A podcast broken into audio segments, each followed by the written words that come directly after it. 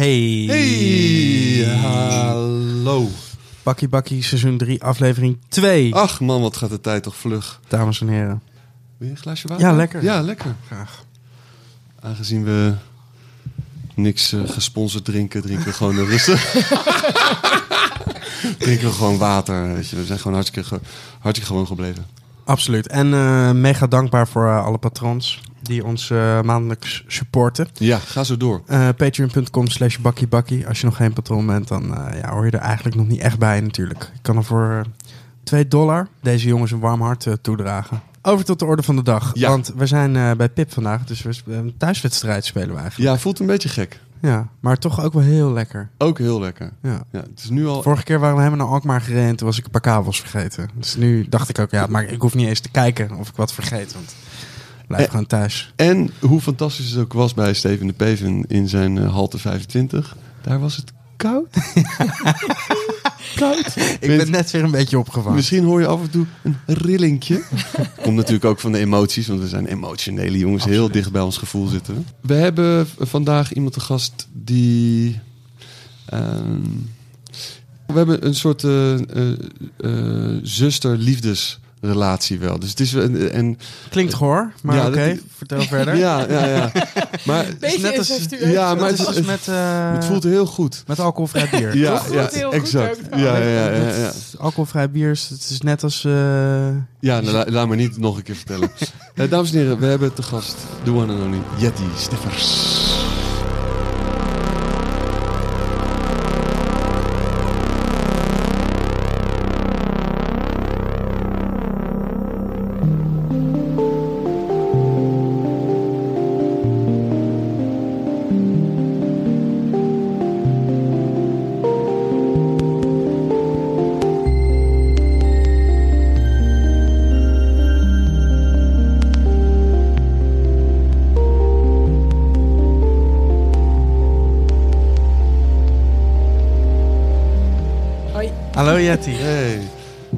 Hoe gaat het? Goed. Het is voor jou eigenlijk ook een soort van thuiswedstrijd. Nou ja, eh, ik had er net over. Ik heb hier heel de dag zitten werken al. Ik zei tegen Gino, is eigenlijk best wel relaxed hier. Ik krijg wel dingen gedaan. Even eh, andere, maar toch vertrouwde omgeving, zeg maar. Mhm. Ja, en dat bedoel ik ook eigenlijk met de zuszorgen. Als, als, eh, want Yeti is, het gaat straks al natuurlijk allemaal helemaal vertellen, maar eh, het hondshow van Bar Rotterdam. Ja. En eh, Pip en Bar zijn toch wel broer en zus. Ja, en nu eh, ook al beide eh, op het eh, ouderlijk nest eigenlijk dan toch? Want jullie ja, dus, en dat is dat, dat is dat dan incestueuze misschien Ja, een ja. klein beetje. Dat ze in, in elkaar zijn gegleden. Ja, en een beetje in elkaar op één kamer liggen ze nu even. Dat is het gewoon. Ja. Ja, dus het- zullen we dat hele incest-thema gewoon een beetje met, met rust laten vanaf nu? Ja, Ja. jezus. Ehm Yeti, kan je vertellen in wat, voor, in wat voor gezin je bent geboren? Eh, jij was niet mijn broer in ieder geval. Ehm, in wat voor gezin ben ik geboren? Ik eh, ben in eh, Haarlem geboren. Opgegroeid in, ja, wat is het? In ieder geval een van de lelijkste plekken van Nederland, in Hoofddorp. Mm. Daar ben je Ja. geboren. Nee, daar ben ik opgegroeid tot Oké. mijn tiende. Ja, eh, ik ben in een, eh, ik ben een nakomertje. Dat is misschien wel leuk om te vertellen. Ik Ja, ben ja. eh, Benjamin van het gezin. Ik heb een zus van zeven en een zus van twaalf jaar ouder. En ja, kind van gescheiden ouders, dat wel. Ehm, ehm, dus mijn zussen en ik eh, zijn, we zijn allemaal een beetje op een andere manier opgegroeid. Omdat toen, toen ik heel jong was, gingen mijn ouders scheiden. Dus je merkt wel dat mijn zussen en ik allemaal een beetje anders zijn opgegroeid. Daardoor ben ik wel degene die zich een beetje ging afzetten van alles en iedereen. En eh, ehm, zijn we allemaal wel heel verschillend, maar dat maakt het wel heel erg leuk. Maar we eh, een hele close familie eigenlijk wel. En hoe ging je je afzetten? Ehm, nou ja, eh, ik was gewoon nieuwsgierig naar alles, zeg maar. Dus eh, ik was denk ik niet een hele relaxed puber om, eh, om ouder van te zijn. En mijn moeder moest ook nog eens mij in haar eentje opvoeden en eh, moest daarnaast heel veel werken. Dus er was ook niet heel veel overzicht. Dat had ik al vrij snel door. En ik had ook al vrij snel door dat ik vrij dominant kon zijn. Dus ik deed basically gewoon waar ik zin in had. Maar en, jong gescheiden, dus in Hoofddorp woonde je al alleen met je moeder. De laatste drie jaar wel. En toen zijn wij samen eigenlijk naar eh, eh, Oostvoorne, Rokanje verhuisd. Waar de tweelingzus van mijn moeder woont. Dus dat is wel interessant, want ik ben dus ook een beetje door mijn, de tweelingzus van mijn moeder opgevoed. Dus ik ben een Mm. beetje door twee gezinnen opgevoed eigenlijk. Dus een één eigen tweeling? Ja, de kind van een tweeling zijn is vrij bijzonder iets. Ja. Want er gaat niks boven de tweelingzus. Ja, je- is dat, is, is dat nog groter dan... ja, die eh, hebben echt, nou, ik, denk, weet niet groter, maar wel in ieder geval even groot, denk Ja. ik. Eh, tweelingen zijn echt heel eh, close met elkaar. Dus dat. Maar misschien voelde, voel- voelde zij voor jou ook alweer hetzelfde. De tweelingzus ja, je je hebt ook gewoon. ik bedoel, mijn nichtjes waren ook een soort zussen van me. Ja. Je hebt gewoon voor de helft dezelfde genen, want die zussen die hebben dezelfde genen. Dus het is, het is veel Ja. closere familie dan een oom en tante normaal eigenlijk. En had je tante ook alleen maar dochters? Ja, Veel vrouwen. ja. Wij gingen ook met al die vrouwen op vakantie. En alleen mijn oom was daar De dan hele bij. en tijd die had dan, eh, op. Ja, die noemde dat ook eh, dat hij op vakantie ging met zijn harem, zei hij altijd. Gingen we met twee auto's, twee caravans en dan eh, naar Tsjechië en Slowakije rijden. En dan af en toe raakten we elkaar kwijt. En wat moest je dan doen als je moeder dan de verkeerde afslag had genomen? Dan, eh, ja, je had nog geen mobiele telefoon, dus wie ging er dan wachten? Dat was altijd de vraag of je elkaar nog terug ging vinden. En dan gingen we maar stilstaan op een parkeerterrein, net zolang totdat mijn oom weer terugkwam rijden. Dat was altijd... interessante vakanties waren het. De mensen vonden het ons ook altijd heel interessant, omdat we gewoon met acht man sterk eh, aan het Oh. rondreizen waren daar. Acht man, zeven vrouwen, één man. Ja, Ja. eigenlijk wel, ja. En eh, ehm, eh, wij daar dus ook altijd met z'n allen op de camping waren. En dan, als we dan dagtochtjes gingen maken, dan vonden ze het zonde om met twee auto's te gaan. Dus dan werden we met z'n achten in één auto gepropt. Vrij interessant zag dat er wel uit, denk ik. Maar was wel altijd heel leuk. En vanuit daar ben je dan eh, gaan studeren in Rotterdam. Ja, omdat ik zeg maar tegen de grens van Zeeland aanwoonde, was het gewoon het meest logisch om naar Rotterdam te gaan. Mijn vader woonde in Amsterdam. Ik had heel erg het idee dat ik zeg maar, ik was 17 toen ik ging studeren. Dus ik dacht, nou ja, weet je, dan kan ik nog even bij mijn moeder blijven wonen. Eh, en ik had het idee dat ik eh, daarna naar Amsterdam zou verhuizen. Dat zat gewoon in mijn hoofd, omdat Ja. mijn zussen daar ook woonden. Dat is nooit gebeurd. Eh, ik, ben, ik ben zelfs nog in Amsterdam gaan studeren, maar er nooit gaan wonen. Wat ben je gaan studeren? Ik ben begonnen met eh, culturele en maatschappelijke vorming. is echt zo. CNV, inmiddels opgeheven volgens mij. Ja, Het is echt... Het is Bestaat het nog? Ik denk het niet. Nee, nee, nee. Volgens Ik mij, heb- het is ja. nu, dit jaar is het laatste ik jaar. heb een bachelor in social work, geloof ik. Het is eigenlijk een soort van het vrije tijdsmanagement, maar dan ook nog non-profit. Het is echt. eh, Ja. Ik weet ook eigenlijk niet zo goed wat ik gedaan heb in die vier jaar, maar ik heb het wel gehaald. Het zou wel heel erg zijn als ik het ook nog eens niet gehaald had. En daarna ehm, ben ik eh, sociologie gaan studeren, maar dat heb ik nooit afgemaakt. En dat wel in Rotterdam gaan doen. Dat ben ik in Amsterdam gaan doen. Oh, in Amsterdam. Ja, Sociologie. Sociologie heb ik in Amsterdam gedaan. Eh, toen ben ik met mijn pre-master begonnen. Ja, toen moest ik op een gegeven moment eh, een heel jaar wachten totdat ik iets over kon doen. En toen eh, ging ik even de balans opmaken en denken, eh, ga ik dan eh, beleidsmaker worden? En toen dacht ik, moi, denk het niet. Ik vond het wel een hele interessante studie. Ik denk er de laatste tijd nog wel eens over na of ik niet gewoon eh, nog een keer af moet maken. Kan je dat gewoon weer oppakken? Zoveel jaar later? Ik denk dat ik dan opnieuw moet beginnen. Maar ja, Ja. dan kan je wel gewoon je pre-master Ik heb doen. nog drie punten, vriend. Ik heb nog drie punten. Ja. Oh, dat Maar, eh, bederft. Dat bederft. Ik denk dat het niet meer geldig is, maar eh, het is wel. Ja, ik was toen 23 toen ik ermee stopte. Ik heb het allemaal in een redelijke stroomversnelling gedaan eigenlijk. Ik denk als ik dat nu zou doen, dat ik het een stuk interessanter zou vinden eigenlijk. Maar ja, toen begonnen we met eh, bar en dat is basically ook een soort groot sociologisch project, denk ik. Mm. Ja, heel cultureel maatschappelijk. Ja, Toch nog wat aan je opleiding gehad. Want hoe, hoe oud ben jij eigenlijk? ik ben nu, eh, ik, ik word eh, in maart 35. Oud hè? Ja? Nee, helemaal niet. Nee, een, fris, een, fris, eh, een fris bloempje ben je nog. In de lente van haar leven. Ja, Chris die zei pas tegen me: ga je heel je leven blijven doen alsof je 18 bent? Ja. ja. Hey, hoe lang is dat geleden dat je met bar begon? ja, we zijn begonnen met feest geven met Maatschappij voor Volksgeluk in 2000. Nou moet ik het goed zeggen hoor. Eerste feest hebben wij in 2009 of 2010 gegeven, denk ik. En dan ehm, eh, anderhalf jaar later, ja, in 2011 zijn we met de eerste bar begonnen. Wat op de Westkruiskade was. En het was eh, Ongeveer de grootte van het hok waar we nu zitten. Mhm. Eh, ik denk dat daar officieel 45 man in mochten. We hebben toch gepresteerd om daar iets van 120 man in te proppen, denk ik. Eh, dat heeft anderhalf jaar bestaan. En toen zijn we met de tweede eh, bar begonnen. De bar die de meeste mensen kennen. Ehm, in tweede, eh oud en nieuw 2013. Maar waar- Ja. Waarom zijn jullie überhaupt in eerste instantie begonnen met, de, met een feest geven? Wat was de...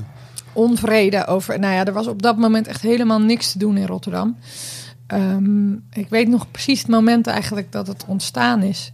Wij stonden op een eh, soort. eh, we, hadden eigenlijk al het idee dat we iets van feestjes wilden organiseren. En op het moment dat we het idee hadden dat we feestjes wilden organiseren, hadden we ook wel al in ons achterhoofd het idee dat we een vaste plek wilden hebben.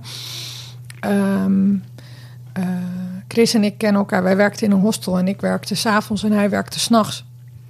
En wij waren gewoon heel erg aan het, we allebei net met onze studie gestopt, aan het filosoferen wat we dan in godsnaam toch met ons, lich- eh, met ons lichaam, met ons leven. Klein, klein Freudiaans versprekingje daar. Oh, oh, oh, oh. En dit keer maakten wij hem niet, hè? Ik ben heel erg op mijn woorden aan het Ja, ja, ja. ja. met ons leven aan moesten. Uh-huh. Ehm, even denken hoor. Toen eh, ehm, eh, eh, was die onvrede er dat er eigenlijk helemaal niks te doen was in de stad. Eh, we leerden net Nino en Frankie kennen. We leerden net eh Aziz kennen. En die waren, het waren allemaal mensen die eigenlijk een beetje onvrede hadden over de stad. En eh, eh, eh, het lag compleet op schat. Nou en Wauw eh, was een tijdje dicht. Ehm, er was eigenlijk niet echt een club, behalve Club Vibes. Nou, ik weet niet of je daar wel eens geweest bent, maar dat kan je eigenlijk niet echt een club noemen. En het, het eh, Toffler was toen, eh, de catwalk was... Toffler was toen niet de catwalk, maar de bump, geloof ik. Of die ging net open. Oh ja, dat heb, die, de bump heb ik dan... die de blauwe vis, daarvoor heb je denk ik misschien wel meegemaakt. Ja, ja, ja. Ehm, Ik ken alleen Hans Worst in Rotterdam. Shout-out. Het is een fanta- fantastisch product. Ja. Nee, ja, maar de, eh, iedereen was gewoon ontevreden. En Chris, eh, ik zei tegen Chris, ja, ik zou, eh, ik zei tegen hem, ik zou wel een klein plekje willen waar, eh, wat gewoon een soort barretje is, waar je dan eh, s s'avonds laat toch even het meubilair opzij schuift en dat een vriend van je dan komt draaien en dat, weet je wel, ja. een beetje die link, of tenminste die brug tussen café en club, Eh, Mhm. dat je gewoon Een ergens met je vrienden. Zoiets. Je Zoals- had je wel zoals boot- bootleg. Weet je, nee? Maar dan toch wel anders. Ja, ja, ja. Ja, bootleg. Bootleg toch? Ja, ja, ja. Waar Oh. al die grote artiesten stonden op te treden. Dus ook ja, heel... een paar eh, keer nog een gek avondje heb ik daar. ja, eh, iedereen heeft daar wel eens een gekke avond gehad, ja. Met die wc's die niet dichtgingen. Mhm. ja. En eh, eh, ehm, wij waren toen op een soort, eh, weet je, en dan ging je met z'n allen, al die mensen die ontevreden waren, die gingen dan naar de Tosti-treffer. Heb je dat ook hier in Den Haag? Weet ik niet. Tosti-treffer, dat is een soort netwerkborrel, waar, ze, waar je dan tosties gaat eten en wat gaat drinken. En dat is elke keer bij een andere culturele instelling of zo. Hm. En daar raakte ik met Nino aan de praat, daar raakte ik met Aziz aan de praat, volgens mij, en met al die gasten. En, En- iedereen was, was feesten aan het organiseren. Die gingen En allemaal naar de Tosti-treffer. Ja, wat, wat, wat, wat grappig. want niks anders te als doen het zo op papier staat, dan denk je, nou, de Ja. tossie treffen, er gaat helemaal niks uitkomen. Maar het was dus toch, het, netwerk werd daar da- daadwerkelijk ehm, gesloten. Of in ieder geval werd... Nou ja, iedereen begon, had het over die ontevredenheid. Van eh, we moeten eens feestjes gaan organiseren. En iedereen zat een beetje op zijn eigen eilandje. Maar communiceerde ook met elkaar. Want er was niks te doen. Dus je kon beter samenwerken. Mm, en Nino en Frankie waren toen al contra aan het doen? Nee, die, die deden... God, wat was dit nou? Met Aziz op een boot. Hoe heette dat nou? Iets met garnalen.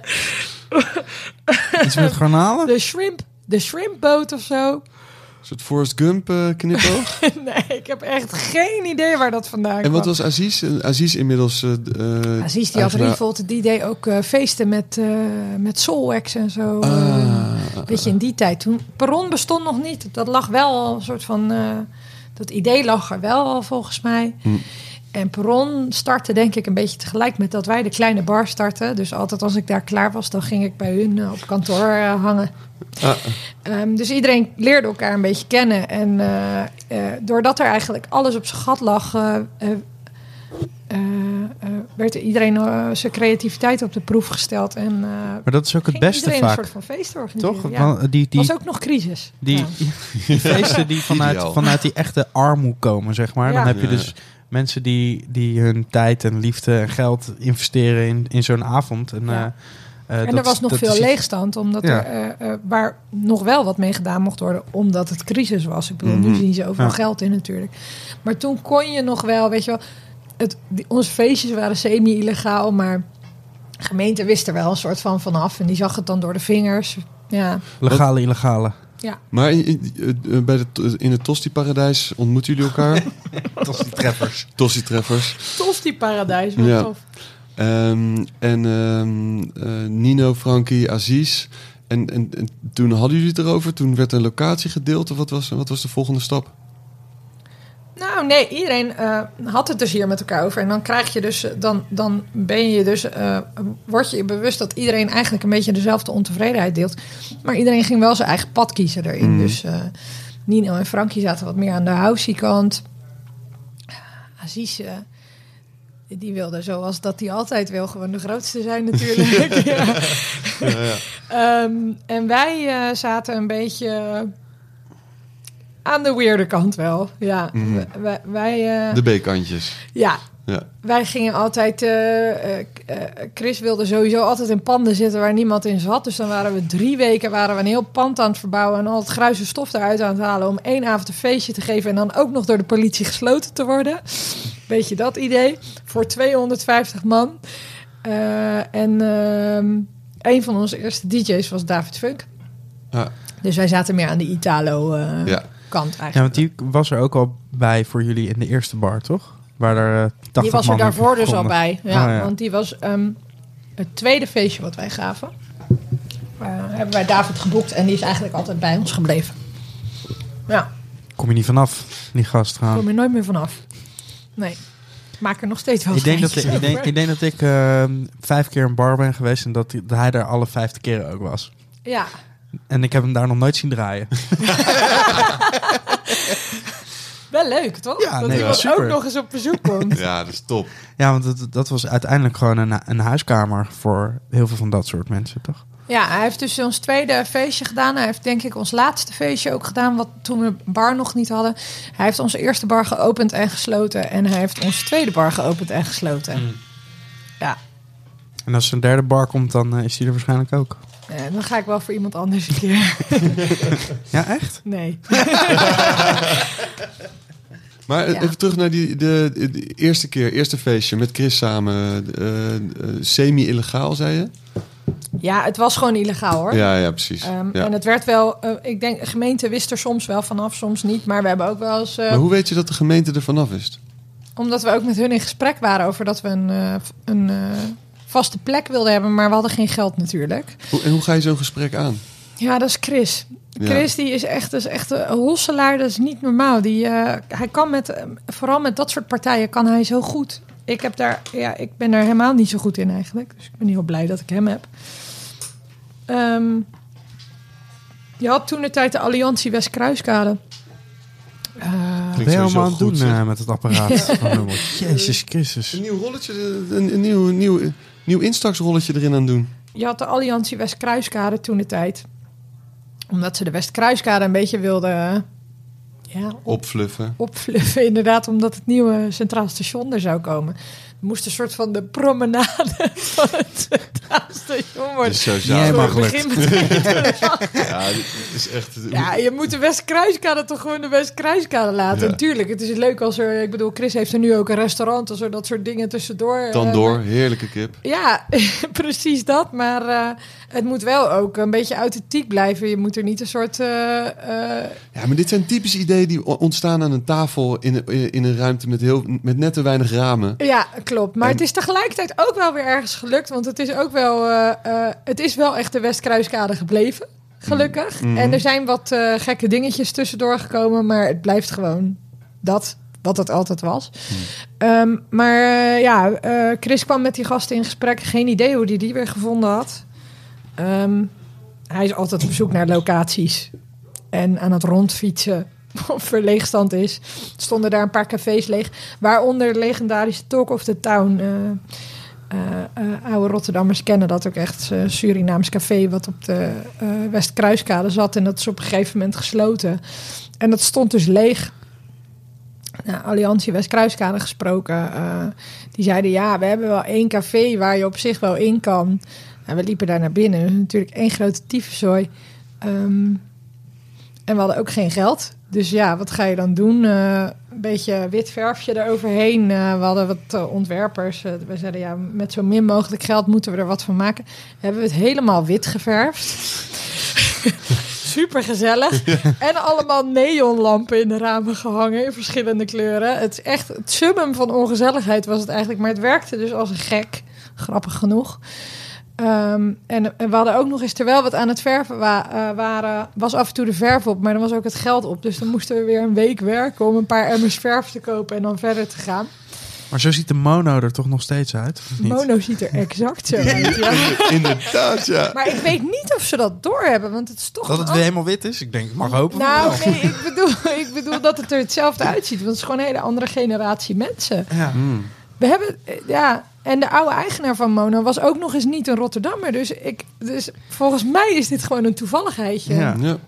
Wel fijne plek, vind ik Mono. Heel erg, ja. Ja. Het heeft ook een beetje dezelfde feel als de oude bar, grappig genoeg. Maar dan wel iets meer profi, denk ik. ja, we waren echt heel onprofessioneel.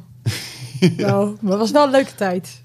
Ehm, maar goed, uh, zijn we daar naartoe verhuisd. Uh, en daar mochten we dan een half jaar zitten. Huurvrij.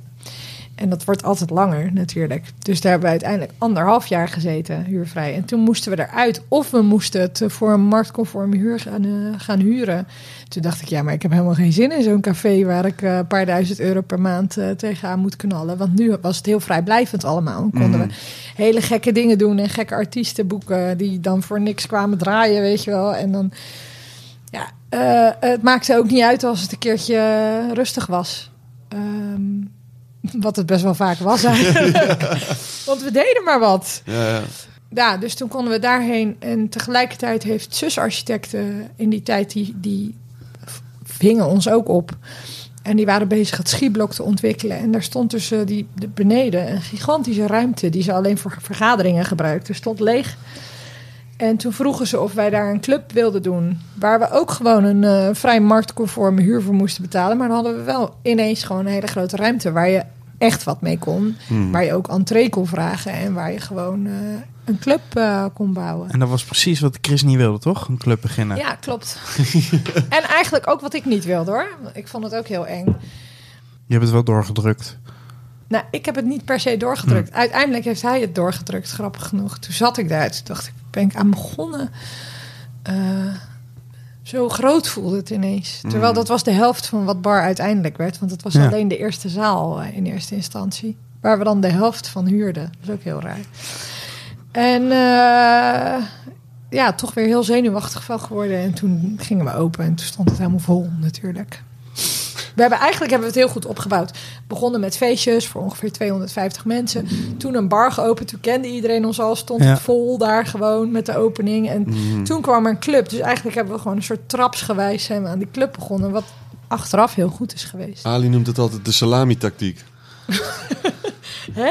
Ali werkt hier bij Pub. Ja, Moeten we wel even uitleggen. Ja, de, de, de financieel, eh, financieel directeur bij Pip. De salami-tactiek. Kleine, kleine plakjes, langzaam. Dan heb je uiteindelijk niet door dat je heel die worst op hebt gegeten. Ah, slim. Ja. Ja. En hij verschrikkelijk uit je bek stinkt. ja. ja, goeie. En, en was je al die tijd ook al gewoon aan het draaien? Nee, dat wilde ik nooit, omdat ik altijd heel veel goede artiesten om me heen had. En eh, ik eigenlijk gewoon onwijs faalangst heb, sowieso. Echt mega in alles.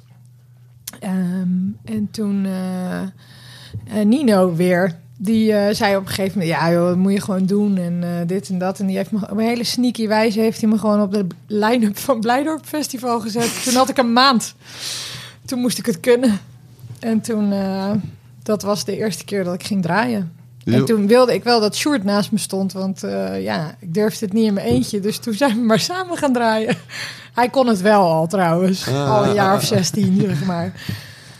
En faalangst in bijna alles. Ja, En toch een bar openen en een club openen. En al, al die dingen. Is het dan is het iedere keer hetzelfde proces? Of, eh, ja, ik word elke keer helemaal gek. Echt waar. Mm. Ik, eh, ik, ik word er heel onzeker van. En dan ga ik heel erg twijfelen. En dan roep ik heel hard nee. En dan roept Chris heel hard ja. En dan ehm, ga ik er toch maar weer over nadenken. En dan vind ik het ook weer zonde om het niet te doen. En dan eh, met trillende handen eh, ga ik er toch maar weer aan. En dan eh, ga ik weer janken, omdat ik het eigenlijk heel erg relaxed vind. En dan komt het toch wel weer goed. Het is grappig, want je, je, je komt zo over als stoer en solid en, en recht door zee en aanpakken. En, maar dan balanceer je toch de hele tijd op die totale onzekerheid. Ja, maar dat, is, dat hoor ik wel vaker.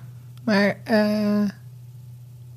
misschien is die onzekerheid ook een soort van eh, zekerheidje. Dat kan. Dat je, da- dat je je daar ook comfortabel Ja, of dat je naar op zoek bent. Ja, maar ook eh, misschien. Ja, ook. Maar ook misschien dat het ook wel. eh, ehm, eh, Kijk, als je onzeker ergens over bent, dan is het ook minder erg als het mislukt. Want dan was je het- er al onzeker over. Het is een veilige plek. Ja, als je ergens totaal zeker over bent, dan.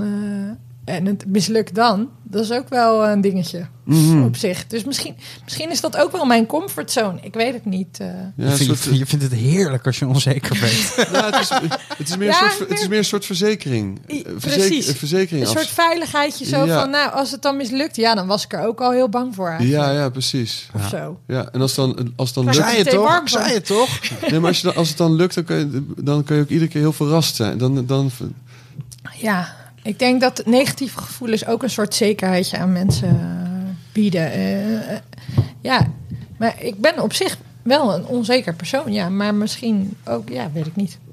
Maar ben je dan nu nog steeds onzeker als je moet draaien? Ja, veel minder.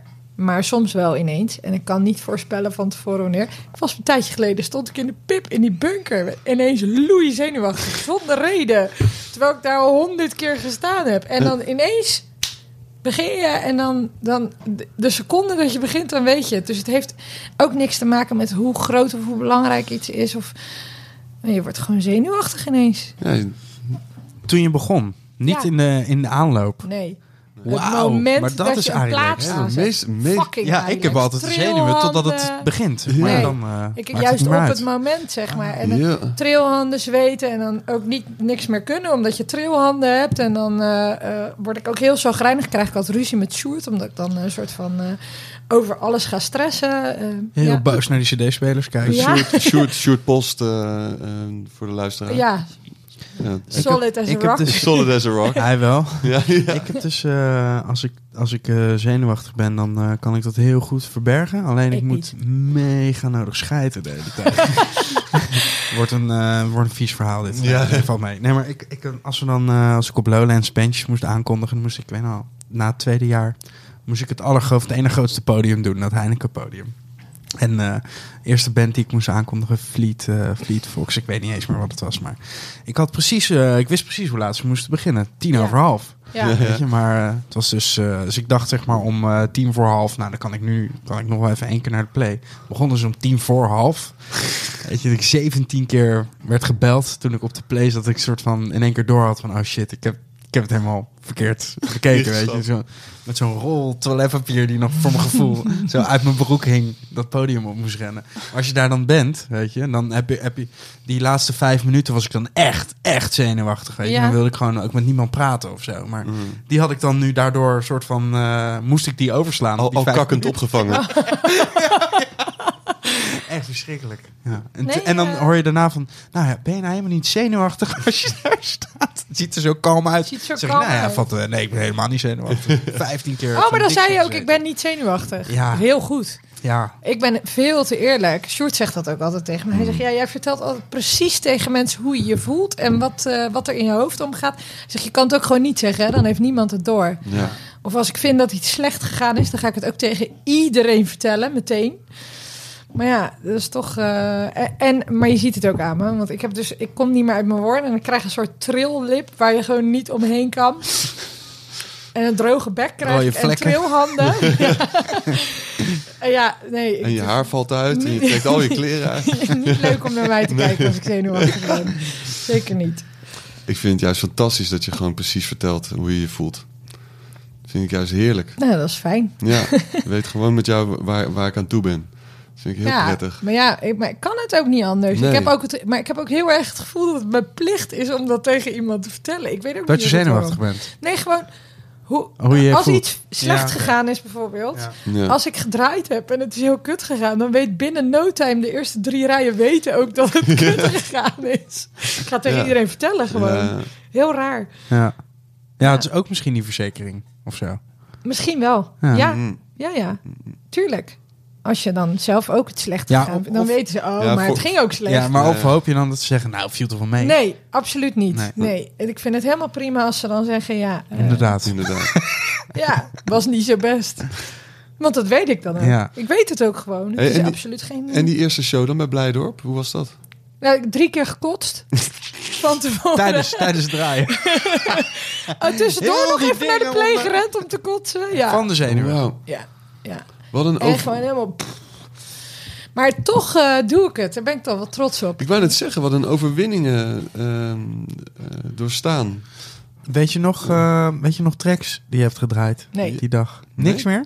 Je weet, het is het één groot zwart gat. Weet ik echt niet. Je weet nog wel je eerste plaat. Nee. Je laatste. Nee. Ik 100% niet. Ik vraag het wel eens aan Short. Hij onthoudt het meestal wel, maar ik Mm. weet het echt niet. Nee, dat is echt. Ik, ik, kan, ik weet het gewoon niet meer zo goed. Eh, nee. maar eh, dat heb ik gelukkig. Ik hoef nooit meer te kotsen. Dat scheelt. Mhm. Ehm, eh, nee, en eh, ik dacht wel dat dat nooit zou overgaan. Dat ik altijd me zo kut zou voelen. Maar dat is Mhm. helemaal niet waar natuurlijk. En nu heb ik ook heel vaak dat het me helemaal niks kan schelen. Dus het is helemaal niet dat ik altijd zenuwachtig ben. Het is sowieso minder geworden. Maar toen dacht ik Ja. dat dat nooit minder ging worden. Een beetje zenuwen is ook niet erg. Dan ben je gewoon eh, on Ja. edge, als het ware. ik Gewoon, word wel eh, een beetje dysfunctioneel hoor, van zenuwen. Mm. Ja, maar een Ja. beetje. Gewoon dat je... Ja, Als het je echt helemaal geen reet boeit, dan, eh, nee, dat is waar. Daar heb je gelijk in. Ja, maar dan ben je jezelf niet meer aan het uitdagen. nee, dat is waar. Maar geen re- je hoeft niet zeg maar zenuwachtig te zijn. Eh, er zit ook nog iets tussen je ge- geen reet boeien en zenuwachtig zijn natuurlijk. Er zit ook nog een soort van eh, forever kritisch zijn. eh, zit er ook nog tussen. Dat is wel goed. Ja. Om altijd kritisch te zijn, denk ik, over alles. Hey, en bij Bar, jij en Chris duidelijk al, al eerst die feestjes gegeven en het, en, en het café. J- jullie waren ook het duo die Bar startte. De Sjoerd kwam er later bij. Wat was die rolverdeling eh, tussen jullie? Eh, ja, Chris en ik zijn begonnen eigenlijk. Ehm, we zijn sowieso heel verschillend en dat was eigenlijk heel goed, want we, doen, we, we hebben gewoon hele andere kwaliteiten. Wat ik zei, Chris is heel goed met eh, partijen waar ik heel slecht mee ben en Mhm. andersom, denk ik. Ehm, eh, als een soort natuurlijk, ik had niet van tevoren per se bedacht dat ik programma ging maken, maar dat ging, gebeurde wel omdat ik gewoon me meer muziek bezig hou. Eh, dat heb ik ook een tijdje met Marsman gedaan, Oh ja. van Pinkman. Ehm, eh, en toen een tijdje alleen en dat werd best wel veel. Want het is sowieso, als je programma maakt, best wel fijn om met mensen daarover te sparren. Want anders dan wordt het een soort verlengde van jouw smaak. En dat is eigenlijk, is eigenlijk helemaal niet zo goed. Mm. Eh, en toen eh Sjoerd die gaf bij ons feestjes en die leerde ik eigenlijk steeds beter kennen. En we hadden een super goede klik. En eh, op een gegeven moment zei hij: zal, zal ik je anders gewoon even helpen af en toe met dat programma maken? Ik heb toch wat tijd over, zei hij. En ik denk dat het drie dagen duurde. En toen was hij drie dagen per week bij ons in dienst. Jo. Ja. Ja. Ja. Ja, het voelt ook... David, een compagnon hier bij Pip, die zei ook net... eh, ik kan me niet een foto herinneren van alleen Jetty. altijd met Sjoerd. Jullie zijn wel een soort... eh, jullie zijn, ja, niet een soort. Jullie zijn Een soort gewoon... Peppy en Kokkie van Rotterdam. ja, ja, een soort duo. eh, duo echt een goed duo geworden. ja. Ja. Ja, maar dat is. Lopen ook altijd op elkaar te zeiken. Het soort twee, eh, soort Bert en Ernie zijn we eigenlijk. maar eh, ja, dat is heel fijn als je dat met iemand kan doen. En eh, het is gewoon een soort broer en zus of zo. Ehm, eh, gewoon een hele goede combinatie. En kunnen gewoon lekker op elkaar zeuren. Mm. En we hebben heel erg dezelfde smaak over dingen. En eh, we vinden het super leuk om samen te werken. En we vinden het ook super leuk om samen te draaien. Omdat we heel erg het gevoel hebben dat we eh, elkaar beter maken in Mm. alles wat we doen. Ja, dat is, dat is te gek. Kan je iets noemen wat je draait omdat je met Sjoerd bent samen gaan draaien? Iets wat je misschien normaal niet zou draaien? Nou, wat wij vooral hebben, dat is heel grappig. We hebben een soort van onze eigen hits tussen aanhalingstekens. Maar we hebben dus ook tracks die we gewoon dan gekocht hebben. En dat wordt dan de anderse hit. Dat, dus dan heeft de andere hem twee keer gedraaid of zo. En dan eh, gaat zo langzaam op een soort slinkse wijze wordt dat die anderse track. En dat is dus, eh, eh, eh, daardoor ben ik misschien wat meer housey gaan draaien. En is Short juist wat, wat, wat gekkere platen gaan draaien. Of Kun je- zo. een- een- geef, ons één, ge- geef ons gewoon even... Ik ga even erbij opzoeken, want ik moet altijd. Ik ben dus heel slecht. Ik ben vrij visueel ingesteld. Ik kijk altijd naar plaatjes gewoon. Unit Black Flight met Shortwave Radio Antenna Down. De Anthony Majoffi remix. Zo.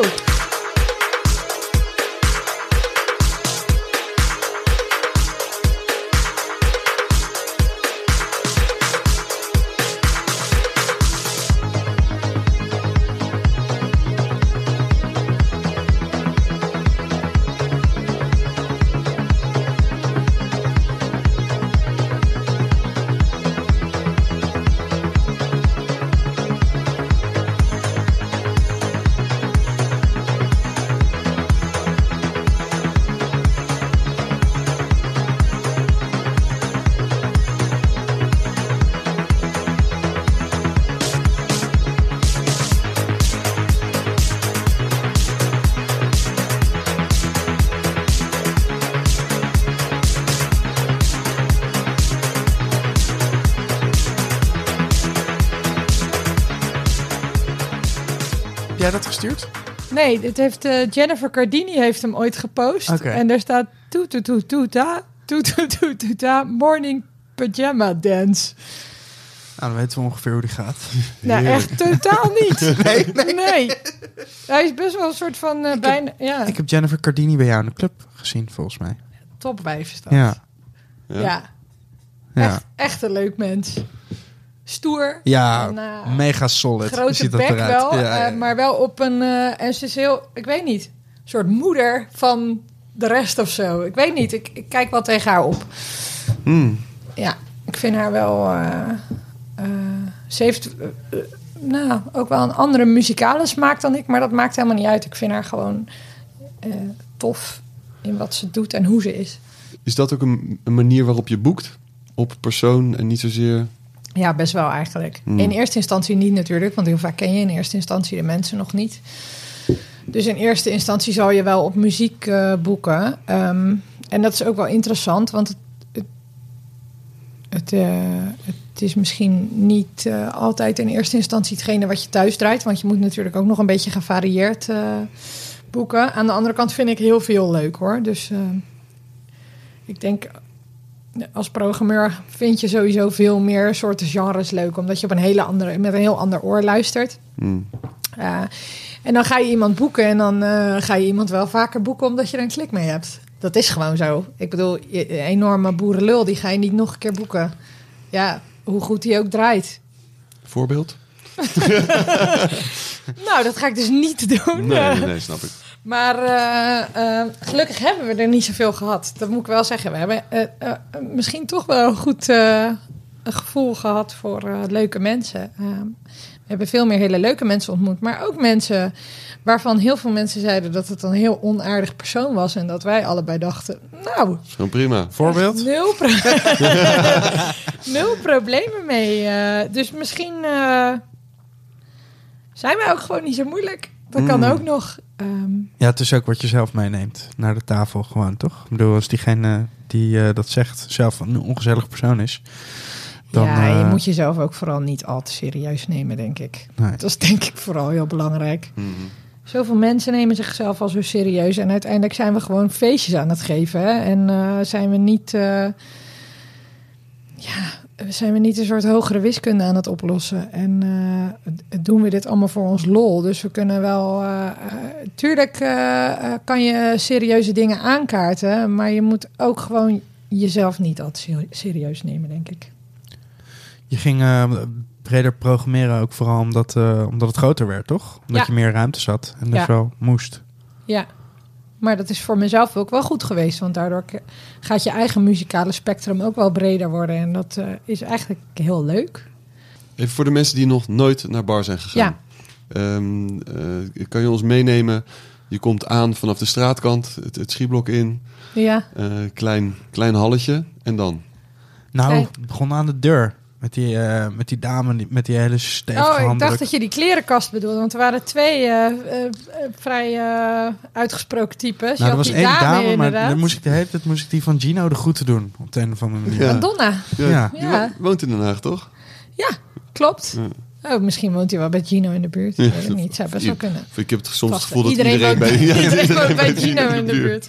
Eh, wie zei dat? Pas zei iemand, ja, Jeans hebben we het Gino, over. ja. Gino, eh, die, het zijn, dat is toch de eigenaar van Den Haag, zei die persoon. omdat hij overal een vinger in de pap heeft, zei hij. Zo Ja. leuk. Ja, fair Dat hij overal eh, eh, ineens weer op komt poppen. Ik, Hij heeft net twee shawarma tenten geopend. ja, ja, precies. Eh, ik eh, kreeg van de week weer een bericht van iemand die vroeg... eh, wanneer komt die openingstrek nou uit? Oh ja. We hebben het al lang niet over gehad. Jean, Jeans maakt de openingstune. Opening. Ja, Ja. Heeft. En dat is een discutabel verleden. Ja. Dus ik denk dat die niet, nooit uit gaat komen. Nee, want Hoezo was... Nou, hij was eigenlijk van... eh, was het nou Nathan Net een Fake? fake. Ja. Ja, eh, over en weer gestuurd. Mixtape, dingen aangepast, remixes. Ja, ja, klein pianootje erop. Of Ja, niet, ja, ik of weet niet meer wat het weet was. niet maar, eh, niemand wist meer van wie die was. Nee, Maar het komt nooit uit in ieder geval. Oké, duidelijk. Misschien een boetlekje Ja, van ja. maken. ik heb hem wel op YouTube gezet trouwens. Oh, dus daar kan je dan zelf een... eh, misschien zou ik er een 10 uur loop van maken. Dat Heel heb je toch op eh, YouTube. Dat werkt heel erg goed. Heb ik, eh, heb ik laatst... Ja. Echt een heel goed Waarom werkt dat goed? Nou, nou ja, ik weet niet of het goed werkt, maar heel, heel vaak... Zit je gewoon zelf te verzinnen. Heel vaak heb je gewoon... eh, eh, je, moet, je moet je voorstellen hoeveel dingen er zijn waar ze 10 uur loops van hebben gemaakt. Dat is echt heel veel. Ga, ga maar zoek maar Ik eens kan op 10 echt uur helemaal niks verzinnen. Nou ja, Nee, ik, kan, ik- heb nu ook even geen... Je hebt, Je moet je voorstellen, wie gaat er nou naar een loop van 10 uur zitten luisteren? nou dan? ja, je hebt... ik, ga, ik, ik kom hier, ik kom hier nog op terug. Ik, heel raar verhaal dit, toch? Echt een heel raar verhaal. Je hebt echt boutnummers waar ze gewoon eh 10 uur eh, loops van hebben. Op YouTube. Op YouTube, ja zeker. Waarom?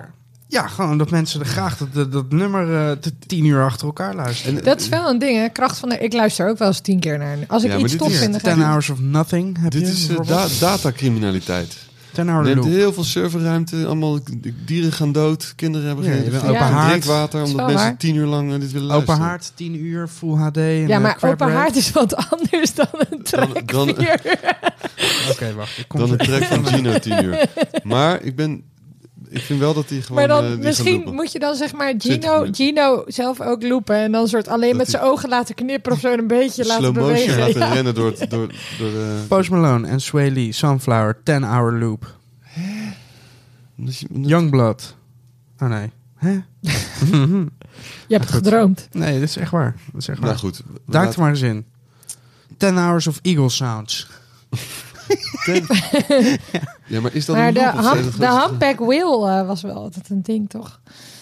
Game of Thrones. Sounds of the 10 Humpback Wheel. Ja, ja, Intro, ja. soundtrack loop. Game of Thrones. Ja, die Humpback Wheels die hebben ook, die hebben ook hits, hè? Die maken, ja, die, die, zi- die, zing- die zingen. Dat, dat, zijn de, dat zijn, de enige, zijn de enige dieren ter wereld die, eh, die naar elkaar zingen. En dan is ieder, ieder jaar zijn er andere nummers een hit. En eh, Je lult. ik zweer het jou. Ik heb de beste gevonden. Don't Stop Me Now van Queen. 10 hour Oh, version. Oké, dat is wel, want als Don't er iets is wat ik haat, dan is het Queen. Dat is echt, ik Oh, ja? haat weinig dingen in het leven, maar Hoe komt dat? De muziek van Queen krijg ik echt de rillingen van. Oh, echt? Ja, ik trek het echt niet. Wel even naar die film geweest. Nee, zeker niet. Maar Zeker niet. Ik heb nog getwijfeld. Ik dacht misschien als ik hem ga kijken, dan Ook kom ik er overheen. Toen dacht ik, ja, ik Maar mag ook wel iets ook niet- haten in het leven. Another One Bites the Dust. Echt Die kan ik nog wel hebben hoor. Nee. gewoon een aversie? Gewoon- Ja, ik vind het echt vreselijk. Mm. Erg, hè? Want iedereen, en niemand snapt het ook. Iedereen zegt, ja, is toch klassiek, eh, bla bla. Dat mag je dan niet stom vinden, maar ik vind het echt... Ja, ik trek het echt niet. Eh, Iets veel te Theatraals. kitsch. Mm. Ja. En dan wel van Italo houden. En de heette David Funk boeken. Super kitsch, man. Ja, maar ja, wel echt op een andere manier kitsch dan Queen. Ja, op een knullige manier. Ja, ja dat vind ik aan Italo, dat Oh, knullige. lekker dat- zo fonetisch Engels zingen. En Ja, maar- helemaal niks van snappen en gewoon. net vals, net te laat Ja. ingezet. I like IF it. had het goed uitgelegd eh, in eh Bakkie Bakkie. Die zei eigenlijk probeerde die gasten de eerste gewoon aflevering, eh wave te maken. Het is gewoon Italo's mislukte Ah, wave. Ja, ja. Ja. Geweldig toch? Ja. Ja. Ferens heeft hier afgelopen vrijdag nog eh, zalig eh, afgesloten bij eh, Fake Love. Met een, een paar Italo-knallers, zelf het hardst meezingend. Ja, dat, dat- En dat je Ja, hebben over het die zelf, muziek en ik draai het zelf eigenlijk bijna nooit. Want ik vind het niet per se heel leuk om te draaien. Maar ik vind het wel heel leuk om te horen als anderen het draaien. maar eh, eh, ja, dat is wel anders kitje inderdaad. Het ja. is gewoon echt mislukt. Ja, dan ligt het erop dat het kitsch is misschien. Ja, nou, ja, ik weet niet. Nou, bij Queen ligt het er ook wel bovenop. Maar Ja, maar Ja. die doen niet hun best om, om iets nee, kitscherigs te zo... maken. Ik, word- ja, ik word er echt een beetje boos van. Lekker. Terug naar bar. Eh, voor de mensen die daar nog nooit zijn geweest. Oh, Want het je loopt in- er naar binnen, sorry. Het, het, is, ja. het is inmiddels gesloten. Eh, ik ga je wat vertellen Ja. eh, en dan ben ik benieuwd of je het eruit haalt. Eh, misschien eh, kan je het wel raden waar we het, eh, zeg maar toen we het decor van Bar gingen maken, waar het op geïnspireerd is. Enig idee? Ehm, Dat is wel grappig. Nou. ik moet gelijk denken aan, aan, aan de fonds. Ik weet niet. Ja, ik moet ook, krijg ook Heel veel mensen moeten denken aan Safe by the Bell. Ja, ja. ik, zie, ik, zie, ik moet denken aan een soort van eh, milkshake eh, tent. Ja, nou het is dus eh, gebaseerd en dan weet ik niet meer welk jaar, maar het is kinderen voor kinderen zeven of acht volgens mij. Mm, Die decors die waren zo sick vroeger, toen ze het nog in de studio deden. ja, ja, ja, ja. Moet je even, die hebben dan op een gegeven moment zitten ze helemaal in die Memphis-stijl. En dan zitten er van die gekke kringeldecors en eh, die, eh, die skittles en zo. Maar- nou, dat, eh, Chris en ik hadden, weet je wel, ja, iedereen had zaten gewoon lekker kinderen voor kinderen te kijken samen. Toen dacht je, dit moet het in- zijn. Nee, in een maar we pyjama. moesten, we een moesten hostel. een nieuw decor hebben voor eh, bar. En nu is dat me- hele Memphis, eh, die, dat Memphis design is nu natuurlijk gewoon, eh, dat is gewoon super mainstream eigenlijk geworden. Dat zie je ook. eh, er zijn grote kunstenaars die daar weer helemaal mee aan de haal zijn gegaan en zo. Maar toen was dat nog een beetje weird, wel. Eh, 2011. En eh, toen, toen moesten we dus een nieuw decor hebben. En we hadden geen zin in weer, weet je wel. Vintage banken en dan een soort van eh, jaren, eh, jaren 50 stilo. En weet je wel. Oh ja, nou ja, dat hadden we allemaal wel gezien. En oude schemerlampen en gedoe. Toen zei ik, ja, wat nou als we dan zeg maar wel eh, tweedehands dingen doen, maar dan zeg maar uit die hele lelijke tijd van de jaren tachtig, dat alles gewoon net een beetje eh, weird was. En dat was eigenlijk dat Memphis design, wat nu dus wel gewoon hip is. En eh, toen zei ik, ja, weet je nog van Kinderen voor Kinderen, dat ze dan zo die studio hadden en dat ze dan allemaal van die hele rare objecten neerzetten en dat ze daar dan woonkamers en zo van hadden gemaakt. Kan je dit niet herinneren? Nou, ik, weet je wat ik heel erg afvraag? Wat, wat zijn de nummers die in die tijd... eh, is dat make-up of met één één Nee, op de één in de goot en één benen op de stoel? Ik kan me herinneren, ja, die. Die is zo... Onder andere, daar hebben ze van die gekke van die Ja. eh, hoedjes op en zo. Loop Met één been op de stoep en één ja. op de goot. En als ik dat niet doe, dan ben ik morgen dood. Ja, Dat, dat was kinderen voor kinderen, weet je. Ik loop met één been op de stoep en één been in de goot. En als ik dat niet doe, dan ben ik morgen dood. Ja, er was er ook eentje dat ze met z'n allen... Nou, dat weet ik niet, maar ook eentje dat ze Dit met z'n je- allen spaghetti zaten Ik te eten aan een hele grote tafel. Kan je dat? Hoe ik je later Ik Dit dit zing jij best wel vaak. Dit zing jij echt best wel vaak. Het is niet de eerste keer dat ik jou dit hoor Ik zingen. vind dat zo'n harde track. Luister eens, wel, eh, de- ik, ik vind zeg maar het interieur van een nachtclub baseren op het interieur van, Van kinderen voor kinderen. Ja, dat, Nou, we hadden, dat was wel eh, ook, eh, weet je wel, alles was toen eh, industrieel en beton Ja, en precies. eh, Dit- rauw. en- En je kan wel gaan proberen de Berghain na te doen, maar dat is ook wel een beetje triest, toch? ja, Ik ja. bedoel, Berghain is de Berghain. Dan kan je in, midden in Rotterdam, uh, Hartje Centrum, kan je dat gaan proberen. Nou, het slaat helemaal nergens Wel op iedereen de hele avond staan weigeren en eh op telefoon. Ehm, maar maar eh, nog wel wat vrolijker. Ja, Gewoon, eh, dat had eigenlijk... Er waren nog niet zoveel clubs waar gewoon heel veel kleur was. Had, Ja. hadden En waar je kon airhockeyen. En die zaal die was best wel donker, die eh mainzaal, zeg maar. Maar alles eromheen was kleur. En er hadden heel veel spelletjes, inderdaad. En eh, ja, allemaal felle kleuren. En eh, eh, eh, van dat Memphis eh, gebeuren, nou, dan moest je op een gegeven moment ook wel weer vernieuwen. En toen eh, hadden we het vijfjarig bestaan en toen wilden we alles opnieuw verven. En toen heeft eh Joni, mijn beste vriendin, die eh, zei, nou, dat wil ik wel voor je doen. Eh, wat, wat is het thema dit keer? Toen zei ik, nou, het was wel een hele vette club in Manchester, de Hacienda. Dus de club van New Order was dat. Die hadden ook een heel sick design, wat eigenlijk een soort weer ook een beetje uit die tijd, maar dan net even iets stoerder of zo. Iets Mhm. minder snoep, iets meer primaire kleuren. Toen hebben we, de, en, en- wat heel iconisch was eh, bij de Hacienda, was eh, dat ze hele grote pilaren hadden die zwart-geel eh, diagonaal geverfd waren. En toen hebben we die pilaren hebben we overgenomen en een paar van die kleuren. Het is ook heel erg het New Order eh, ehm, eh, artwork van hun platen en zo. Hebben we naar gekeken en hebben we er overgenomen. En dan komt er af en toe eens in de maand zo'n echte nerd binnengelopen die dan zegt... Wow, de Hacienda. Ja. ja, zoals de hacker, die zei het meteen. ja, ja, Wat sick. ja, maar die is ook groot fan daarvan natuurlijk. Ga je dat oproken zo meteen? Ja, dit, zijn mijn, dit zijn mijn zenuwtrekjes. Ik moet altijd iets in mijn handen Ligt hier een mandarijntje en een schilletje. En dat is Ik ga er even, een, even een fotootje van een trekken. hele klein. Misschien even met het nagellakje erbij. Het- het Met dat nagellakje erbij. Ja, hoe doe je dat, hè? Ja. Ja, dit is Maar, kunst, eh, jongens. Dit is kunst. Dit is, dit is En dan lekker. ook van die vieze nagels hebben daarna, van die jullie, uh, eh, rouwranden. Jullie hadden ook een, eh, een toiletman. Ik weet niet waarom ik Henny. elkaar moet denken, maar... eh, Henny, die ook Die- in een of andere van jaren mintgroen, 80 eh, groep eh, had hij gezeten. Ja, of jaren precies. 90 eh, house act had hij gehad. Ik weet niet wat ja, het ja, ja. heet. Maar Oh, ik, shit. als ik, aan, ik weet niet meer hoe die eruit ziet. Ik weet alleen dat de laatste keer dat ik hem zag, had hij een soort van mintgroen pak aan. Ja, zo- zo'n eh, zo, zo'n zijde, zo'n zijde blousie had hij dan aan. ja. Ja, ja. Echt een topper. Ja, En je kon niet even stiekem naar de play, dat ging niet. nee. Het was wel niet. streng inderdaad. Ja, dat soort... eh Maar dat, die, altijd die, wel kleurrijke types gehad. die spelletjes en, en, eh, en eh, die, eh, die beeldtaal, dat zorgde er wel voor dat je gelijk op het verkeerde been werd gezet. En daardoor had het heel erg een, een, eh, een soort eh, buurthuisgevoel, vind ik. Ja, clubhuis. Clubhuis, We noemden echt. het ook altijd ons clubhuis. Ja, Eh, wat ik soms heel leuk vond en soms ook verafschuwde, omdat ik dacht, ja, pff, het mag ook wel wat stoerder. Maar ja, aan de andere kant was het wel heel leuk, want het was gewoon een soort eh, huis, gigantisch huisfeest of een soort festival was het soms ook. eh.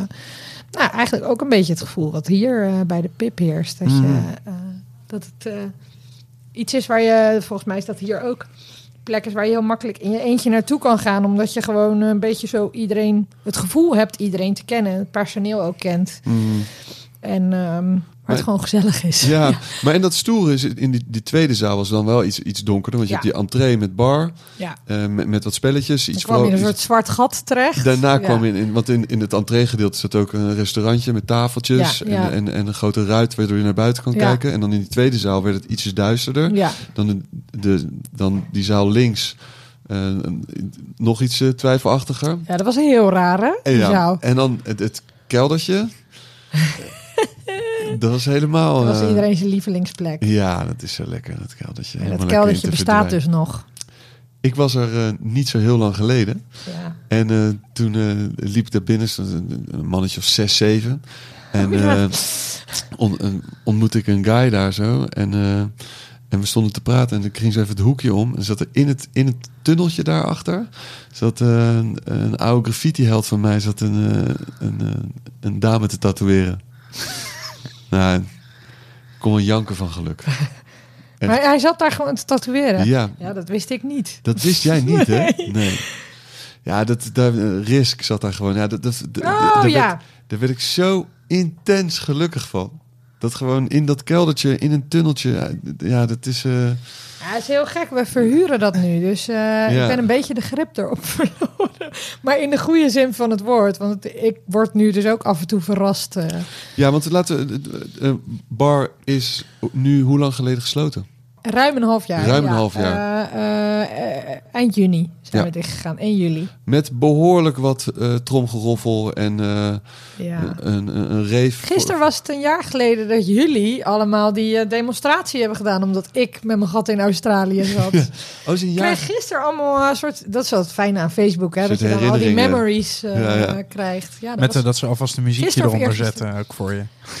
ja, Ook zo heel... Ja. Dat je demonstratie... Doe, doe, doe, doe. Pyjama. Ja, die demonstra- demonstratie was echt. ehm, ehm, ja, ik, ik vond het echt een, een, een- Ook al was de, de oorzaak misschien treurig, een, een highlight. Nou, mijn highlight was dus dat ik jou dat verhaal zag doen over die demonstratie terwijl ik in Australië zat. En jij had dat zo mooi verwoord.